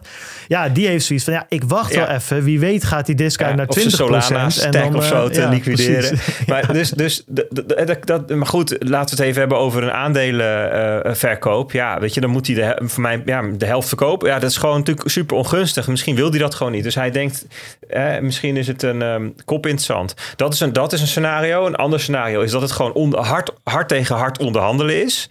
Waarbij beide partijen het onderste uit de kan willen halen. Um, ja, wie, ik weet het niet hè, wat, wat het is. Maar wat, van buitenaf gezien lijkt me dit wel in, in de categorie 1 of 2 zitten. Dus of DCG is gewoon echt, uh, echt, heeft echt een heel groot probleem. En dan dondert de hele boom om. Of um, Barry die um, steekt kop in het zand en, en lost het niet op terwijl hij het gewoon op zou kunnen lossen. En graaft zich steeds verder in. En ja, dan, uh, um, ja, dan kan het zijn dat Gemini hiermee zijn eigen glaas een beetje ingooit. Hè? Want het, ding is natuurlijk ook wel dat als je ze zo onder druk zet, dan heb je ook nog kans dat je, dat, dat je de kans dat het opgelost wordt verlaagt. dat is natuurlijk een beetje een dubbele. Maar ja, ze willen schijnbaar iets forceren. Ja, ik denk dat we er wel gewoon rekening mee moeten houden. Dat als, als beide kanten dit verder laten escaleren. Um, dat de, de schuldeisers hier niet 100% van hun geld gaan terugzien. Ik denk dat het gewoon wel een van de reële opties nu dat het gewoon wel op tafel ligt. En dat betekent dus ook voor Bitfavo, zeg maar het bedrijf, ja, dat, dat, dat, dat, dat, dat, dat ze dus inderdaad in ieder geval een stuk van die schade zelf moeten gaan, gaan ophoesten als ze inderdaad de, de, de klanten um, um, er niet mee op willen zadelen. Ja. Oké, dus dan hebben we even optie A was hè, het uh, geld terugkrijgen van uh, Genesis en DCG. Nou goed, hè, wat jij nu schetst, daar zit je al een beetje in uh, plan B, om het zo maar te zeggen. Dus namelijk zelf bijfinancieren, bijleggen. En dat heeft Bitfavo al vaak zat laten weten dat ze dat um, willen gaan doen. Nou ja, goed, dat verhaal is natuurlijk wel van het geld ligt op de plank naar uh, het geld moet via verschillende, uh, van verschillende plekken op de plank komen, om het zo maar te zeggen. Hè. Dus er ligt een beetje op de plank. Uh, dat is nu ook in het jaarverslag verder gespecificeerd. Ligt iets van wat was 30, 40 miljoen op de plank. Nou, dan konden 110 of 120 miljoen teruggestort worden vanuit de aandeelhouders. Dan had je nog een kredietfaciliteit van 70 miljoen. En dan was er nog een stukje belasting teruggaan. En het resultaat van dit jaar kwam daar nog bij, hè?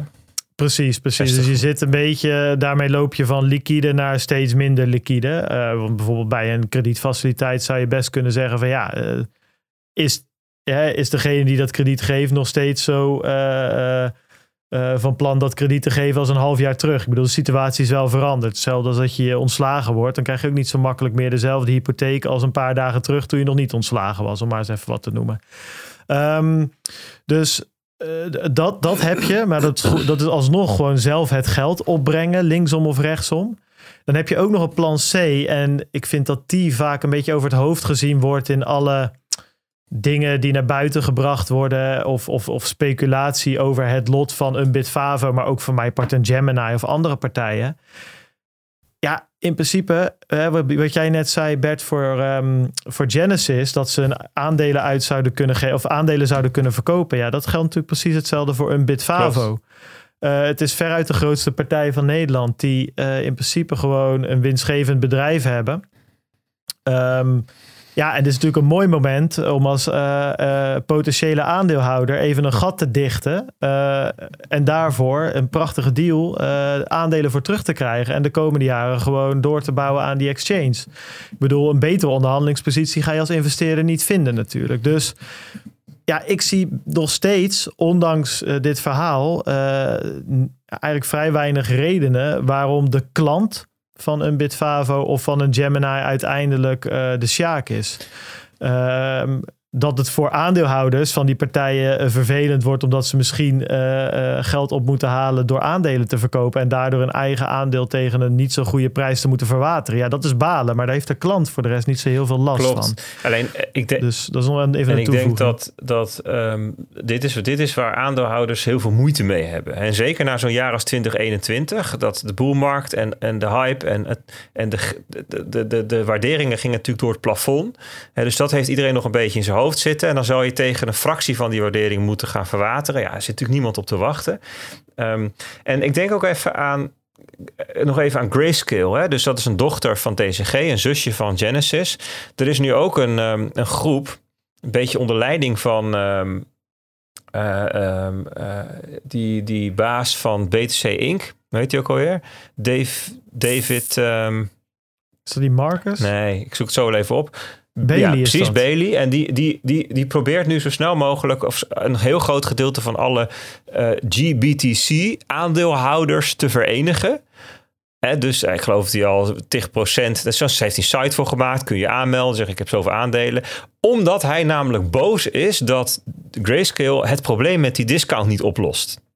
En dat, dat kan. Hij zegt het kan gewoon op allerlei manieren. Van hele mooie tot wat minder mooie. En snelle en wat minder snelle. Maar er zijn alle. En ze doen het maar niet. En waarom doen ze het niet? Ja, dan, dat is zijn beschuldiging aan, aan, aan uh, DCG. Omdat ze nu gewoon die 2% per jaar kunnen binnenharken.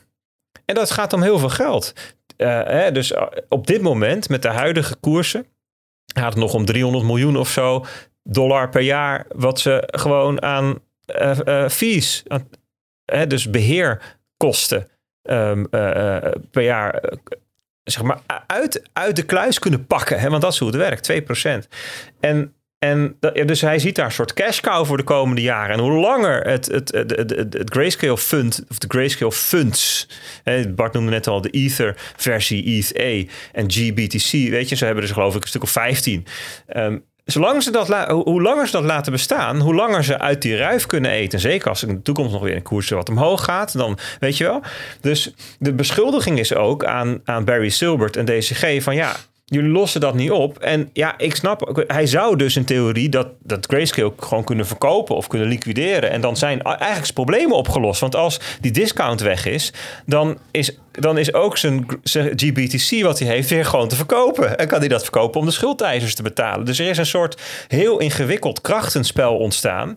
Waarbij aan de ene kant dus Gemini en die andere schuldeisers hebt die aan Genesis trekken. Aan de andere kant heb je David Bailey met zijn eh, ehm, aandeelhoudersclubje die aan Grayscale zitten te trekken. En Barry Silbert zit daartussen. Die probeert alle bordjes een beetje hoog te houden terwijl zijn kop in het zand zit. Dus het is ja, hoe dit nou eh, uiteindelijk ontrafelt. Ja, dat, eh, ik, ik hoop zonder al te veel ellende hè, voor de cryptomarkt en voor de, voor de investeerders, zeg maar, de, gewoon de beleggers. Ehm, maar fraai is het in ieder geval niet. Nee, nee, we gaan het in de gaten houden. En ehm, nou, ik vond wel opvallend dat even zo de vuile was. eh, Nou, dat is het, ja. buitenganger werd. Het is wel een soort power move die je, ja, goed, als je lekker met elkaar aan tafel zit en het aan het oplossen bent, niet eh, uit de kast trekt, Nee, en hij is, zeg maar. ik Dus, vind hem ehm, vooral heel opvallend omdat hij ehm, mogelijk de, je eigen eh, de, de kans dat, het, dat, je, dat je alles terug gaat zien verkleint. Dus dit is wel, ja, ik ben heel benieuwd wat hier nou voor tactiek achter zit. Ja, eens.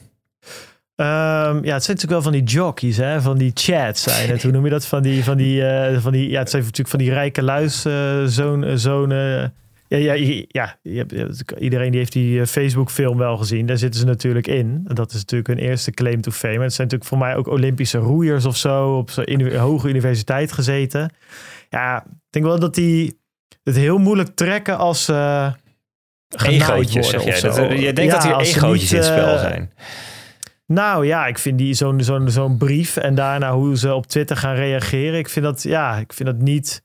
Nou, precies wat je zegt. Je, je vraagt je af van, is dit nou voor iedereen de mee... Kijk, dat je misschien hiermee je eigen alfa-status denkt te bevestigen, prima. Maar is dit nu voor iedereen de beste oplossing? Weet je wel, had je niet beter nog eens intern nog eens eh, wat druk uit kunnen oefenen of zo? Ja, dat, ik ben dat wel met je eens. Dat ik denk van, wat, wat voor tactiek zit hier nou achter? En eh, is het een slimme Ja, waar- tactiek? En dat voelt toch een beetje van Waar, niet, waar is het nou het blootleggen van misstanden en waar is het een wedstrijdje verplassen? En dat vind ik heel moeilijk te zien. Waar het Even nou- kijken wie, eh, wie de grootste heeft, inderdaad. Nou goed, we gaan het zien. We gaan het in de gaten houden.